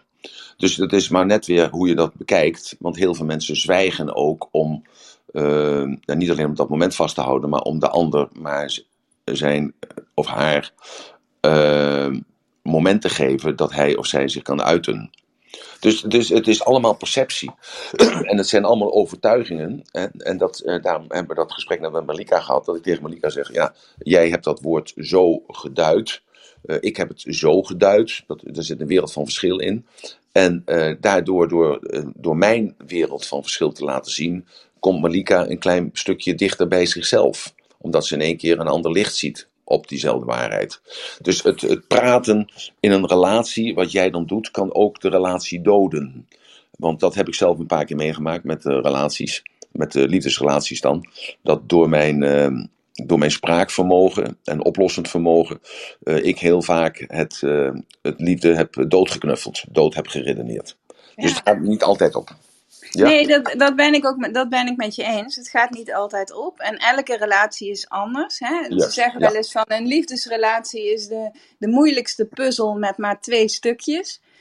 Um, dus het gaat zeker niet altijd op. Uh, maar uh, in sommige relaties gaat het wel op. En dat is um, kijk of het op je van toepassing is of niet. Want ja, niet, we zijn niet allemaal hetzelfde. Dat is wat ik wil zeggen. Ja, maar er is nu een, uh, een programma en dat werkt in India heel goed. In Japan werkt dat ook goed. Dat zijn landen waar dus uh, relaties dus uh, voorgekookt worden. dat worden relaties die worden voorgekookt door ouders, worden uitgekozen. Daar proberen zij dus uit te komen in India en in Japan. En daar is een computerprogramma, ik weet het niet meer precies, ik zal het op moeten zoeken. En dat computerprogramma dat onderzoekt je speeksel en je bloed, je genen, je DNA. En van daaruit wordt er dus een match gemaakt. En een aantal mensen die relaties hadden, die hebben die, uh, dat gedaan om te kijken of dat nou werkelijk zo is.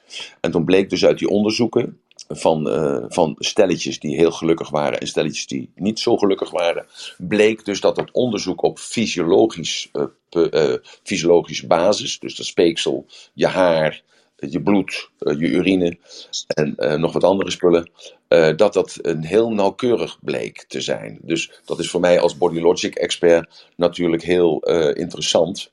omdat dus blijkt dat die eigenschappen die noodzakelijk zijn om een volwaardige relatie te bouwen, dat die op een, eh, ja, op een meetbare basis al aanwezig zijn. Ja, daar is ook een film van hè, gemaakt. Die, The One heet die. Oh, dat weet ik niet. Dat weet ik niet. Ja, The One, alleen dat is dan niet op waarheid gebaseerd. Oh ja, ja, wel. Ja, ja, dat, eh, dat, eh, ja, ik heb die film wel gezien. Ja, Ja, ja, ja, ja. ja. Nou, mooie ontwikkelingen. We zullen zien waar het toe leidt. Goed. Ja, oké, goed. Nou, in ieder geval fijn dat er mensen bijgekomen zijn. Ik zie Henriette, Yvonne, KW, Different, Nadine en Mark. Eh, ook als jullie naar boven willen komen, is dat mogelijk. Ik zie Raas, Rachel weer een keer. Hey, Rachel, wat fijn dat je er bent. Zit je in Portugal of zit je in Nederland? Leuk, Rachel, dat je er bent. Ik kan natuurlijk niet iedereen begroeten, maar ik wil toch even nog een paar naampjes willen noemen. En dat het opvalt dat Rachel er is, eh, wil ik toch even zeggen dat ik dat wel heel fijn vind. Maar goed, ik ga even terug naar die eh, vijf zintuigen. Marjolein wil nog reageren, Emiel. Ja, oké, goed. Ja. Eh, goedemorgen, Emiel. Hallo. Eh, ik was even benieuwd waarom jij was overgestapt naar het woord stabiliteit in plaats van harmonie of balans. Eh, omdat ik, eh, ja, dat heeft natuurlijk een beetje te maken, denk ik, met mijn leeftijd. Door de fases waar ik doorheen gegaan ben. En ehm, ik heb altijd de fases, eh, ook, nee, die fase heb ik niet gehad. Eh, dat is dat, eh, dat, ehm, eh, eh, dat is een beetje dat, dat sokkenachtig iets. Dat was toen dat, ja, dat bepaald soort mensen die hadden dan die verlichting. En dat waren dan niet de hippies, maar dat waren dan ander soort mensen. En die zochten allemaal harmonie met zichzelf. En die mensen werden voor mij eigenlijk een exponent van stilzitten en ehm, wachten tot het komt. En daarom vind ik het zo mooi en zo rijk, deze room, dat er heen en weer gesproken wordt, zoals Robert dat zegt. Van, nee, het is de beweging juist. En dan dat moment van stilstaan op dat touw, dat is dan het moment van harmonie. Dus dat is voor mij een, eh, ook, ook, een, ook een vorm van stabiliteit. Omdat het woord stabiliteit meer mannelijk klinkt, meer harder klinkt, meer ijzer is dan eh, dat wishy-washy woord van eh, balans zoeken en harmonie zoeken. Maar het is ook een invulling, hè? dus dat is gewoon mijn persoonlijke eh, mening. Mijn persoonlijke invulling van het woord. Oké. Ja, Is dat oké voor jou? ja, Ja. precies. Nee, nou, dan weet ik dat je het eh Ja. een ander beeld bij Maar, ik geef ook elke keer eh, eh, luikjes doe ik open van mijn hoofd, zodat jullie kunnen zien hoe ik denk. Hè? En, en dan kunnen jullie denken van jezelf, ja oké, nou ik heb lekker harmonie, nou houd het dan. Of je denkt bij jezelf, nou ik wil graag de keuze hebben, ik probeer dat dus in stabiliteit. Maar ik wil even naar die, naar die zintuigelijke informatie gaan. En zintuigelijke informatie is dus extern en intern. We kijken van buiten naar binnen, en, eh, dus dat is eh, externe communicatie. En we hebben interne communicatie, dat is eh, wat, wat doen we ermee? Wat doen we ermee in ons hoofd? En eh, nou, jullie zijn allemaal be- best, eh, be- eh, dat ga, neem ik aan, jullie allemaal wel eens een keer op vakantie geweest. En eh, dat is gewoon een aanname van mij, hè? Dat is gewoon een aanname van mij. En, eh, en ik, ik denk ook te weten dat er heel veel van jullie wel eens in zo'n eh, all-you-can-eat hotel zijn geweest. Ik weet niet hoe dat heet. Dat is, hoe heet dat, Marloes? All Eh, inclusive. ja, all-inclusive. Ja, all-inclusive, ja. En dat all-inclusive, dan, dan krijg je elke dag een buffet. En dat buffet is elke dag hetzelfde. En als je niet in all-inclusive bent, dan eh, zit je in een hotel. Maar die hebben elke maandag hebben ze dezelfde maaltijd. eh, en dinsdag hebben ze ook hebben ze een andere maaltijd. En woensdag hebben ze ook een andere maaltijd. Dus als je een week verblijft, dan eh, heb je dus zeven verschillende maaltijden achter de rug. Maar als je veertien dagen verblijft, dan merk je dus dat de maandag er altijd varkensvlees is. En dinsdag is het altijd vegetarisch. En woensdag is er altijd vis. Maar dan blijkt ook in één keer dat het eigenlijk allemaal hetzelfde smaakt. Hè, misschien hebben jullie allemaal diezelfde ervaring wel gehad. En dan, dan wil je dus iets anders. Eh, maar waar, hoe komt dat nu eigenlijk? Dat komt omdat er koks staan die lossen elkaar af. Want die werken vijf dagen in de week en die werken 40 uur. Dus hebben, om die 24 uur eh, te volmaken heb je drie koks nodig. En om die, eh, die dagen, die vrije dagen in te vullen heb je vijf koks nodig. Dus om één plaats te vullen heb je vijf koks nodig. En die, die koken allemaal hetzelfde, omdat het allemaal vaste receptuur is. Daarom smaakt het eten in het hotel of het restaurant smaakt altijd hetzelfde. En bij jou thuis, want daar verlang je dan, je verlangt naar thuis. Maar hoe komt dat? Want je gooit de zout erin met de hand zo, of je gooit er geen zout in, of de peper, wat dan ook. Dat doe je allemaal op gevoel. Dus het smaakt ook altijd anders. Dus dat is nou weer die dissonant, dat het elke keer anders is.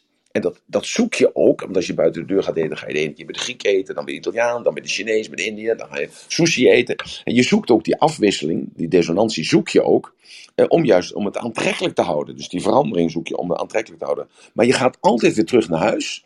En thuis is het toch altijd beter en lekkerder en aangenamer. Waarom? Omdat daar de personal touch in zit, dat het niet voorgeprogrammeerd is. Dus je zoekt de verscheidenheid. Dus dat is een, een, denk ik een hele goed voorbeeld van die dissonantie. Die dus, terwijl je dus die harmonie zoekt. En tegelijkertijd weer die verscheidenheid wilt hebben. Omdat je dus als eenmaal die balans hebt in dat eten. Of die harmonie hebt in dat eten. Of dus de stabiliteit hebt in dat eten. Dan wil je weer wat anders. Dus dat heeft met de smaak te maken.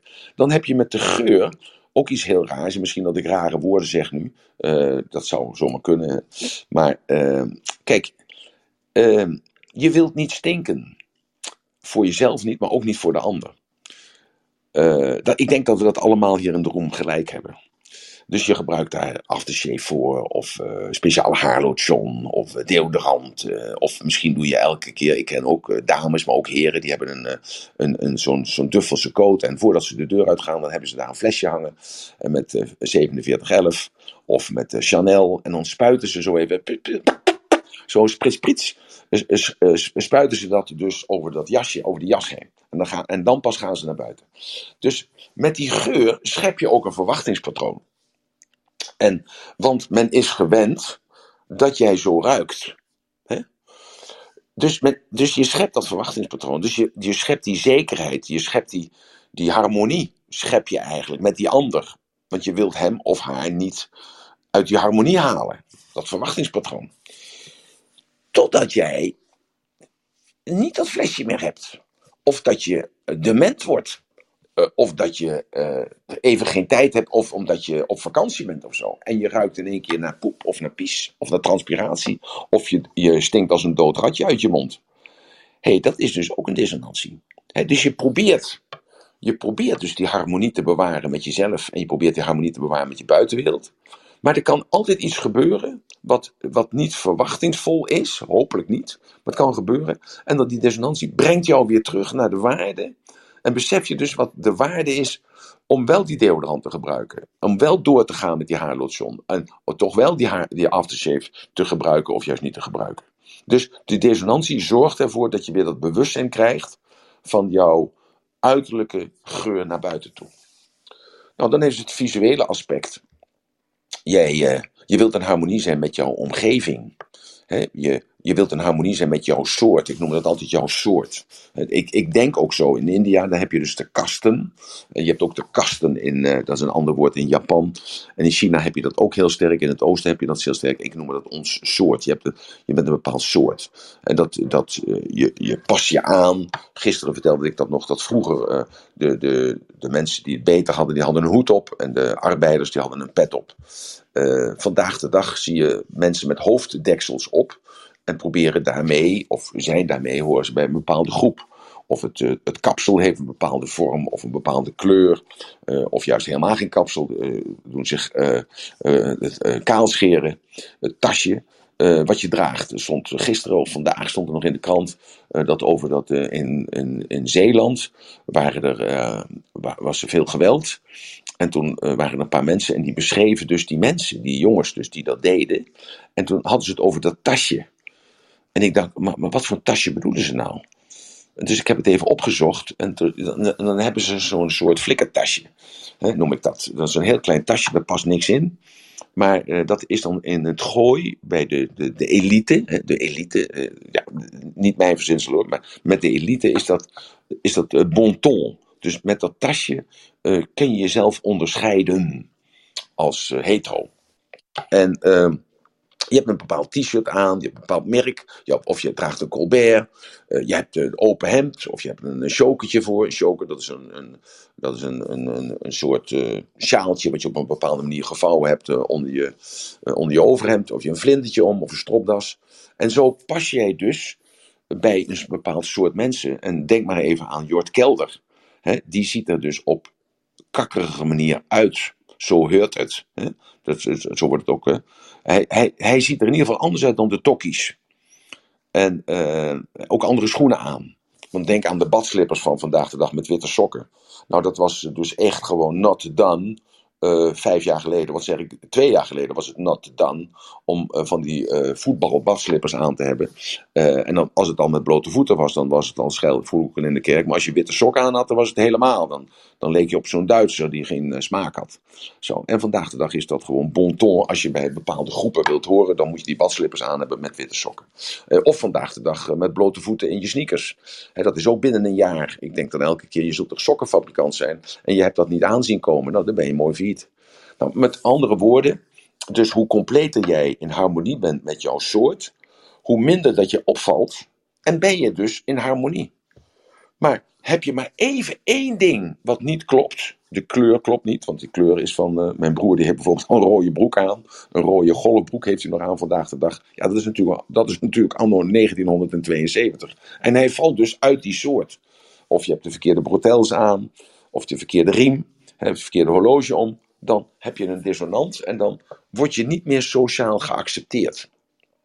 Dus dat is ook een heel, heel raar mechanisme. Maar dat is ook een, een eh, door jouw uiterlijk vers- verstoor jij dus het beeld wat de ander heeft van het collectief en dus van de harmonie die hoort bij, die, eh, bij dat soort. Of bij die groep. Is dat duidelijk? Want ik ga nu even naar het audio en het kino. Ja hoor. Dus het audio en het kino.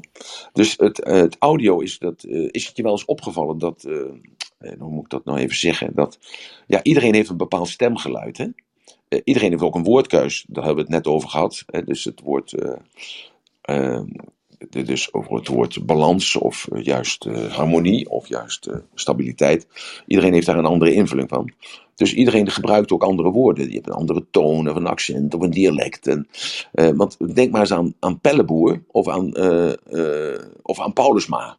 Ze alle twee doen ze hetzelfde. En toch hebben ze alle twee fans, ander soort fans. Want de een die vindt Pelleboer fantastisch. En de andere die vindt die, die is, dat die Piet Paulusma weg is. Nou, dat is een schande. Die kijken voor straf niet meer naar de SBS. Of je denkt dan even terug aan die Jort Kelder, hoe hij spreekt. Of je denkt aan die Prem. Eh, Prem uh, Ratti, nou ik kan ze uit zijn naam niet uitspreken. Maar jullie weten allemaal, dat die Prem, dat is die, die Suriname. En dat is de makkelijke, die heeft zijn eigen radioprogramma. Ik luister wel eens naar hem s'nachts. Maar die was altijd, eh, of altijd, die was vroeger, een jaar of 10, 20 geleden, was hij heel vaak bij, bij Jeroen Pauw of bij Yvette. En dan, eh, dan sprak hij dus dan eh, namens die bevolkingsgroep.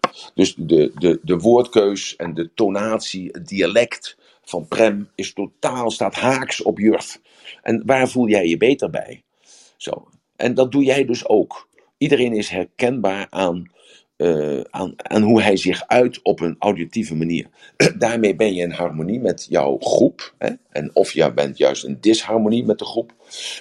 En dat zie je nu heel sterk bijvoorbeeld met dat mondkapje.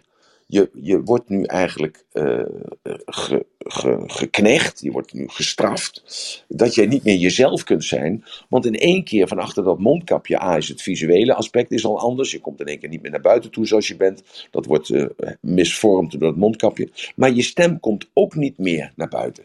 Dus je bent out of tune. He, je bent out of tune. En dat is dus de, de dissonans die jij, uh, ja, dat je, dat je nu bij jezelf kunt gaan beseffen van, hé, hey, ik moet beter luisteren. En dan uh, ga ik me ook beseffen van waar die irritatie vandaan komt. Of juist die gehoorzaamheid naartoe komt. Zo, dus het auditieve. En als we dan kijken naar het gevoel, dus het kinesthetische, dus dat is de vijfde, volgens mij heb ik ze alle vijf, ja, ja heb ik ze alle vijf gehad, ja, je hebt ze alle vijf gehad, ja. Zo, dus je bent, uh, je hebt je gevoel, dat is intern, je voelt dus iets.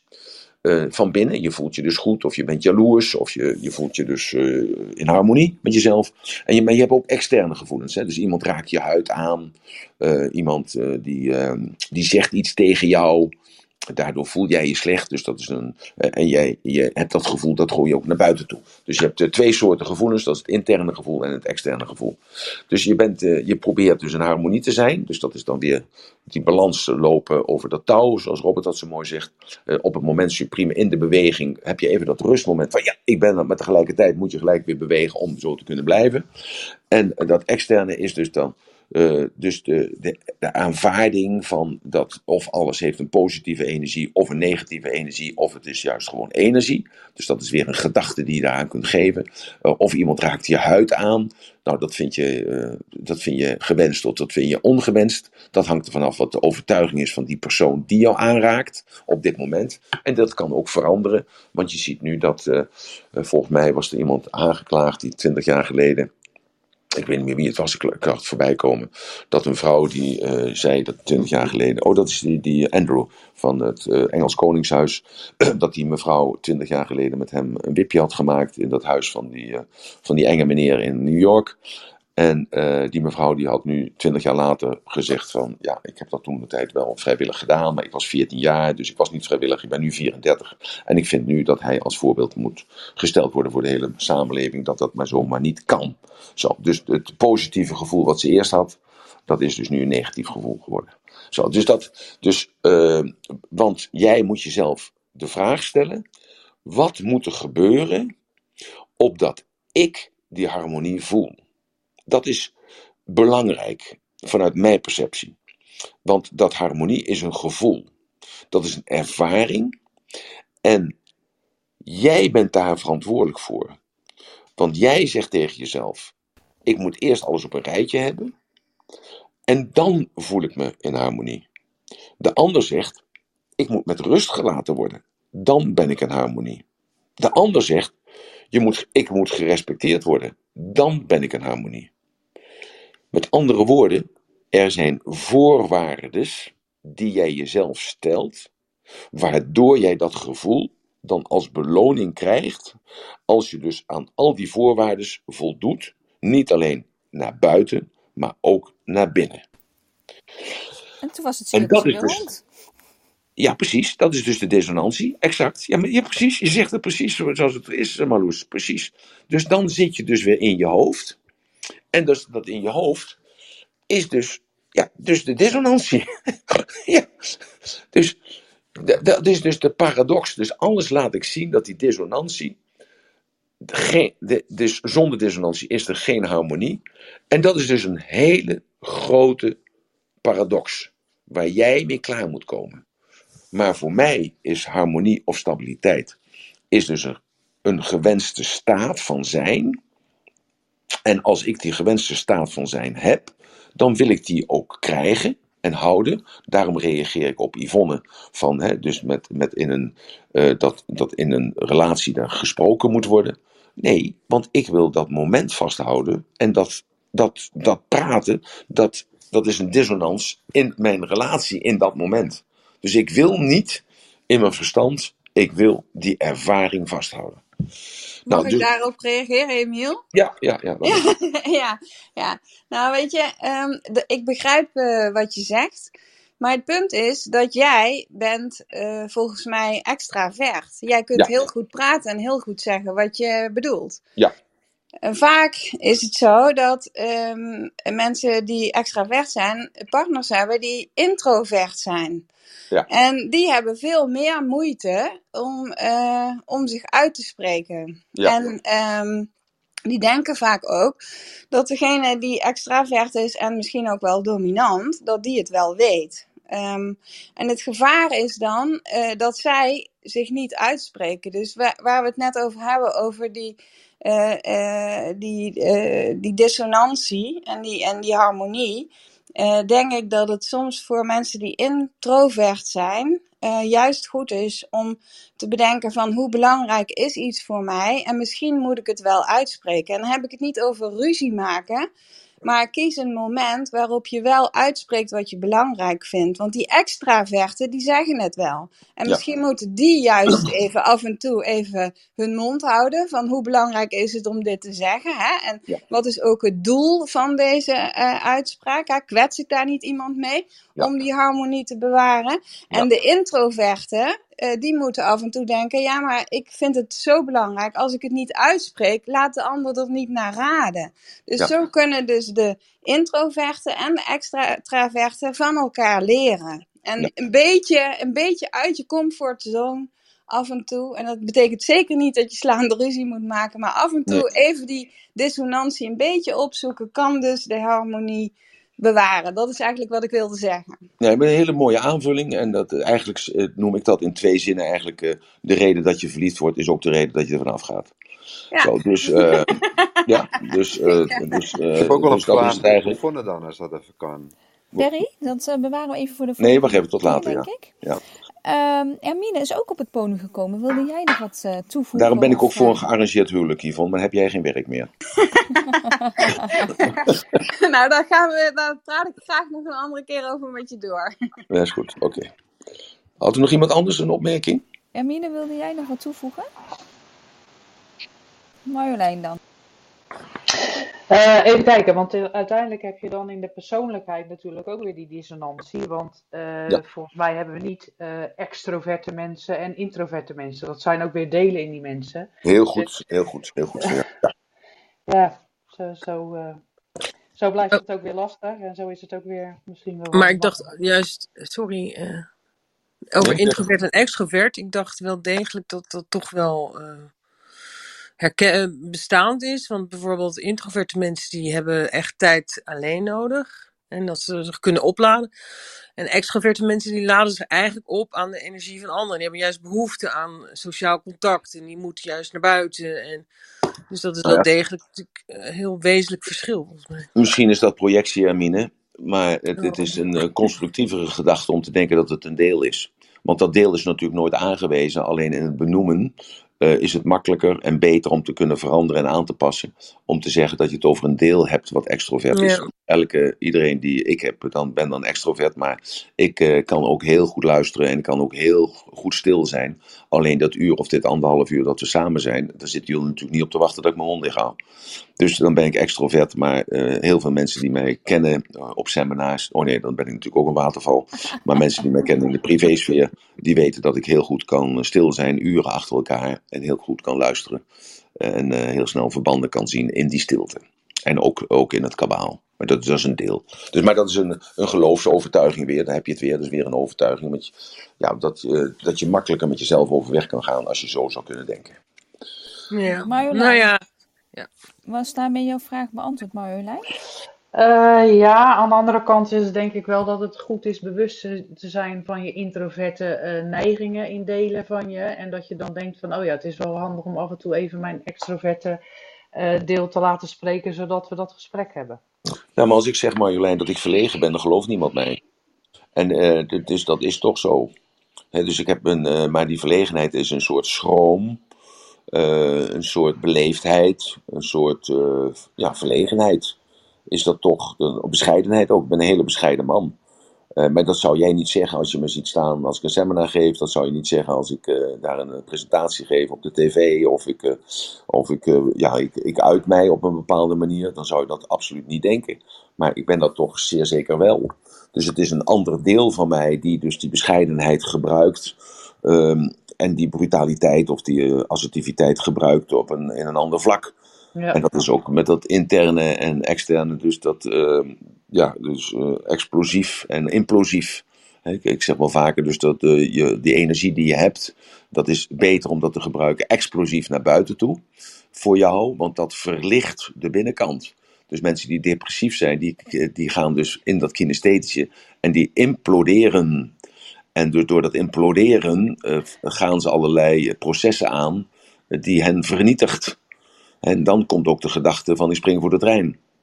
Zo, en als je explosief bent, dan eh, als die gedachte komt, dan schreeuw je het uit. Ja, en dan is die gedachte is weg. Zo, dus, en daar zijn rituelen voor, zoals biechten en eh, zoals eh, voor de klaagmuur staan. Dat heb ik wel eens vaker uitgelegd. Zo, dus het zijn allemaal delen. Het zijn delen. Zo zie ik dat. Ja. Nou, dan eh, zie ik het. Joyce is in de kamer Thanks. gekomen. Ja, Joyce. ze was er al eventjes. En ze is Oh, ze was er al eventjes, even, eh, weg geweest. Dus ik ben benieuwd of ze nog een vraag heeft. En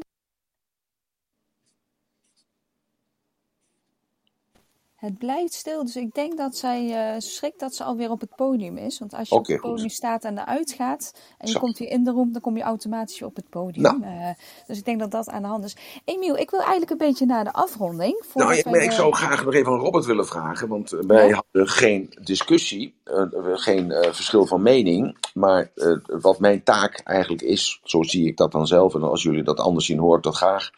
dat, het, dat je het kunt pakken en dat je het kunt gebruiken. In de praktijk, dat je de kosten mee kunt verdienen. En dat je dus daar je relatie mee kunt onderhouden. En dat je je, ja, die zeven zuilen van de, eh, van de identiteit, dat je die daarmee kunt bekwamen.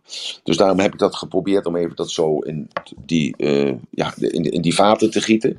En dan ook nog even die vijf zintuigen erbij te betrekken. Zodat iedereen daar ook een klein beetje eh, ja, gevoel, gezicht, ja, stem, een smaak en een geur bij krijgt. Robert, ik, ik zou aan jou willen vragen, is dat, is dat wel een klein beetje gelukt?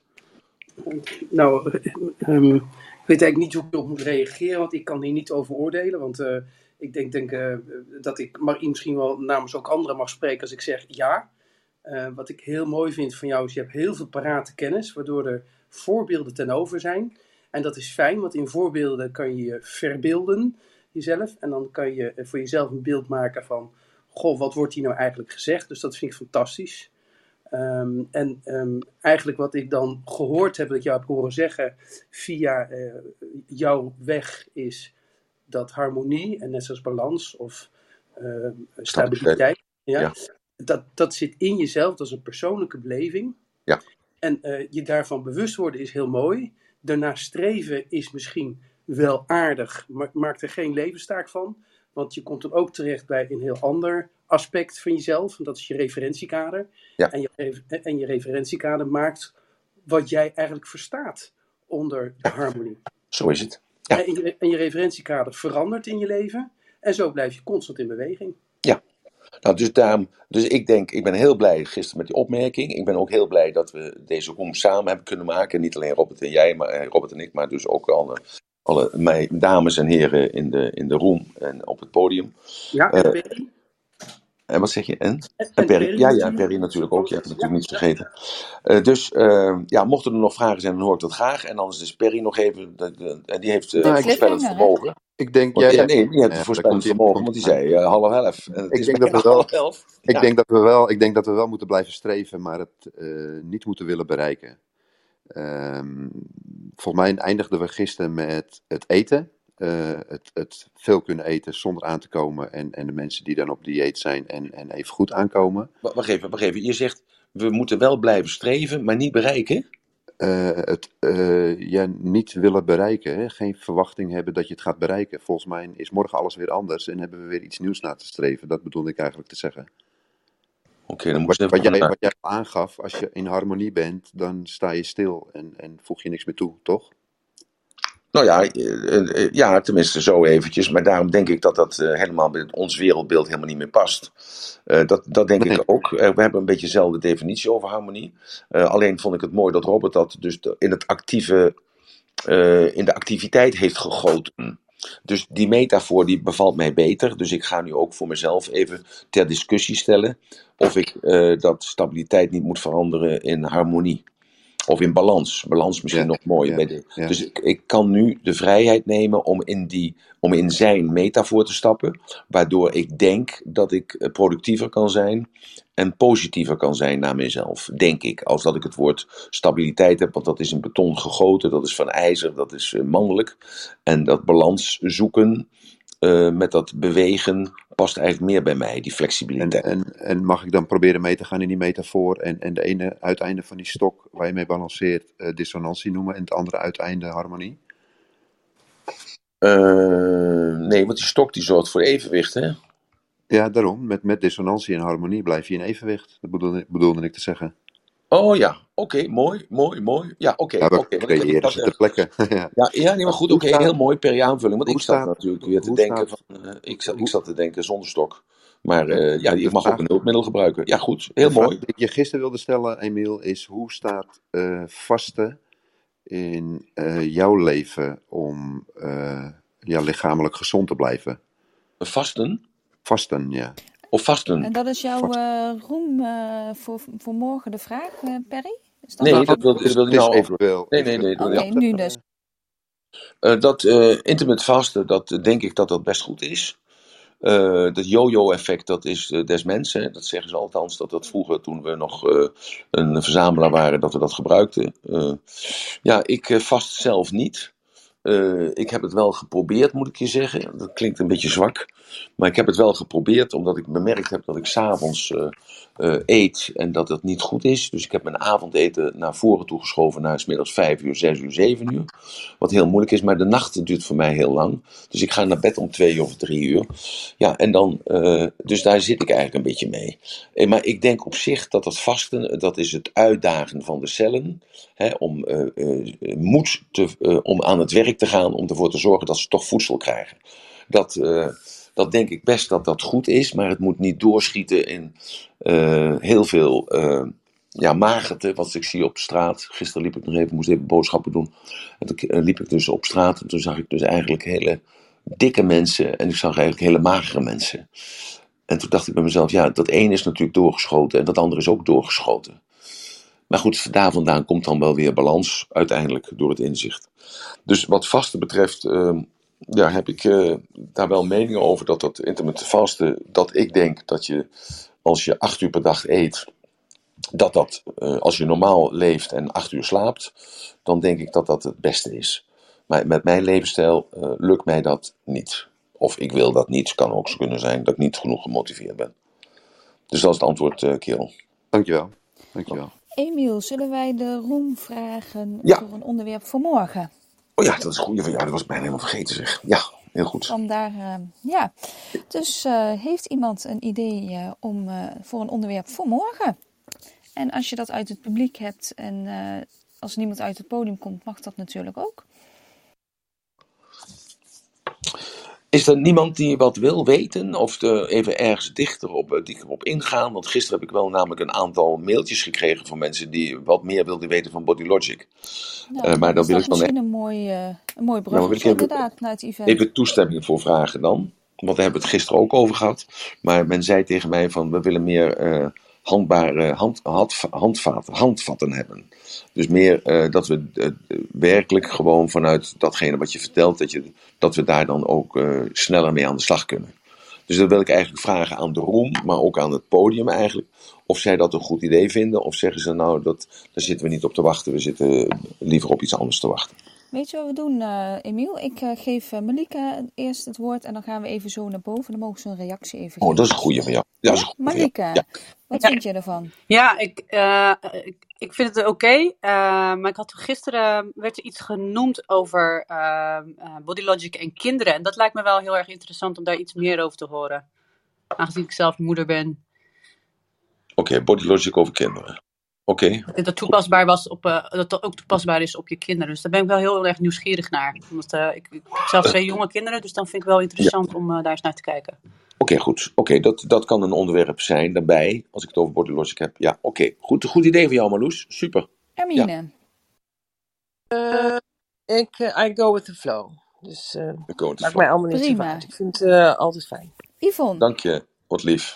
Ja, ik ben heel benieuwd. Dus ehm, ik zou zeggen, graag. Oké, Roelof. Nou, ik, ik ga ook helemaal gewoon lekker mee. eh, ik zie wel eh, wat er eh, morgen op het bordje ligt. eh. Helemaal goed. Marjolein. Eh, ja, Body Logic vind ik altijd interessant. Ik, eh, eh, eh, gisteren was er volgens mij een mevrouw met een, een drieling, maar die was niet één eigen. Dus ik zou nog wel iets willen weten over eh, wel een één eigen tweeling. oké. Ja. Perry. Eh, ja, ik zou uiteindelijk nog wel wat informatie willen in hoe Body Logic tegenover of, of in verband staat met NLP. Duidelijk. Robert. Ehm, ja, het lijkt me een heel leuk onderwerp. En vooral de body logic van jezelf als je in de spiegel kijkt. En hoe je daarmee eh, body logic kan gebruiken om kritisch naar jezelf te kijken. Naar je positieve en je, zoals je die ervaart, minder positieve eigenschappen. Je, je bedoelt dus eh, voor mij, privé? Nee, gewoon eh, je gaat voor de spiegel staan, i- ieder in de room.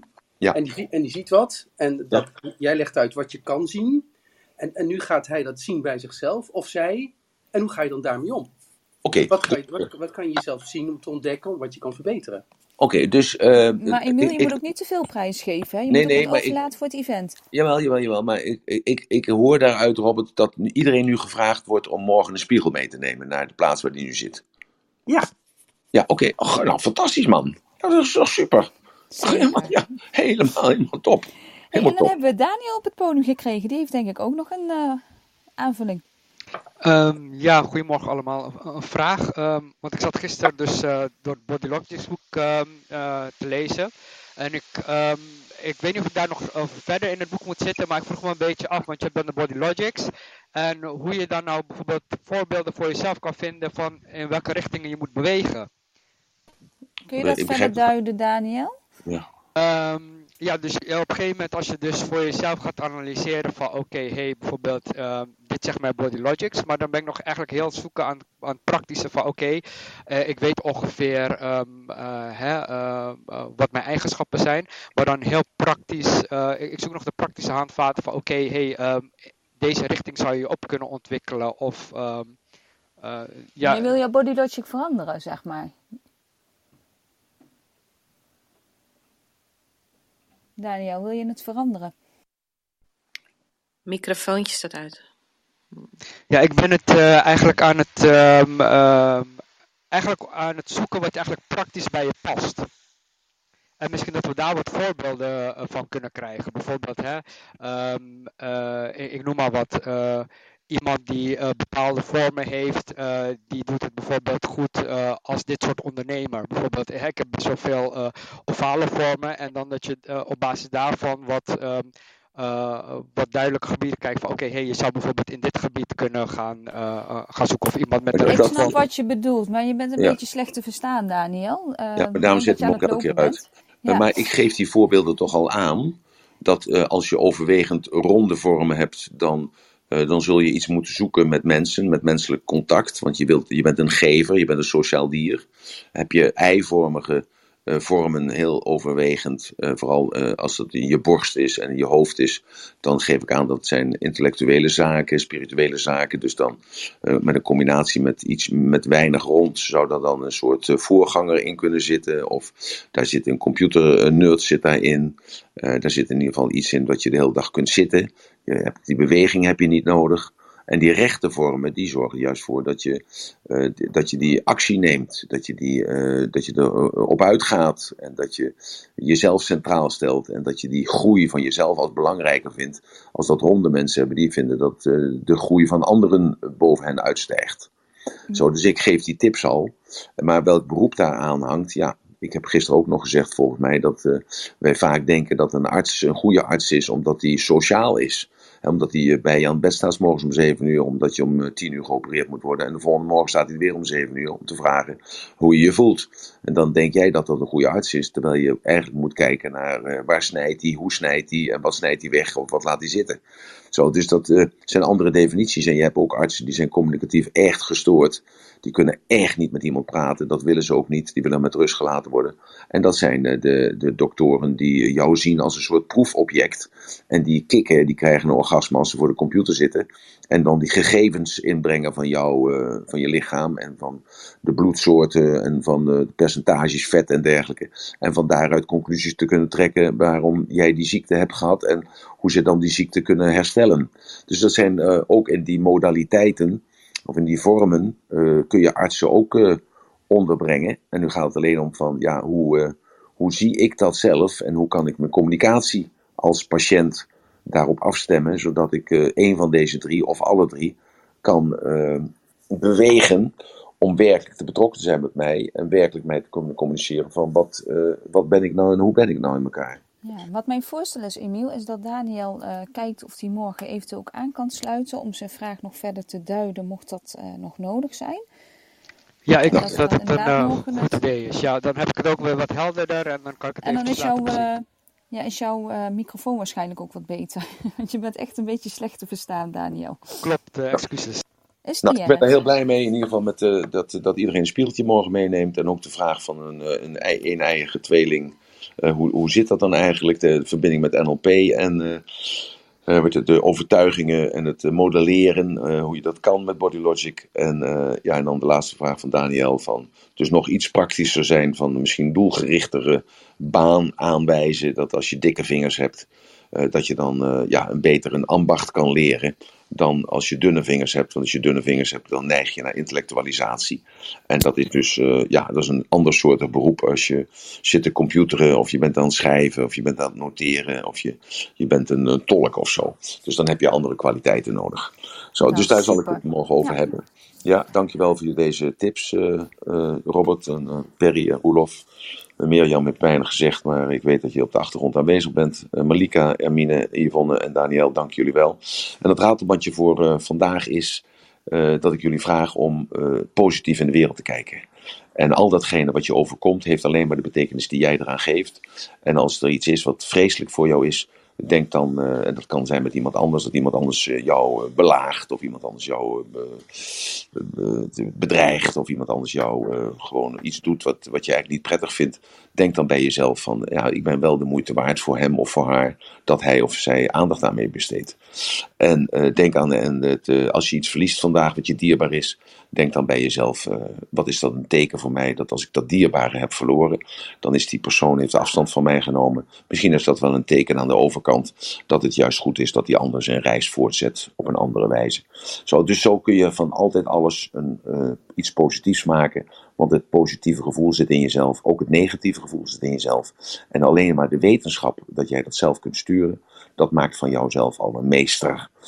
Of een meesteres, maar ik noem het dan maar een meester. En als je dat gevoel hebt dat je je eigen meester bent, ja, dan denk ik met Robert gesproken dat je op dat eh, touw staat.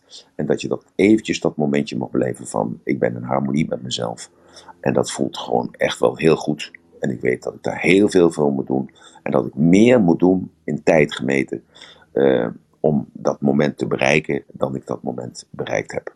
Dank jullie wel voor deze mooie room. Dank jullie wel allemaal dat jullie geluisterd hebben. En ik hoop dat jullie er allemaal wat van opsteken. En dan gaan we morgen gaan we het hebben over Body Logic. eh, over kinderen, over eier, eh, een eigen tweelingen, over NLP en over spiegelen. Dat je jezelf spiegelt en wat je zelf kunt lezen aan jezelf. Dank jullie wel. Mooie dag vandaag en tot morgen.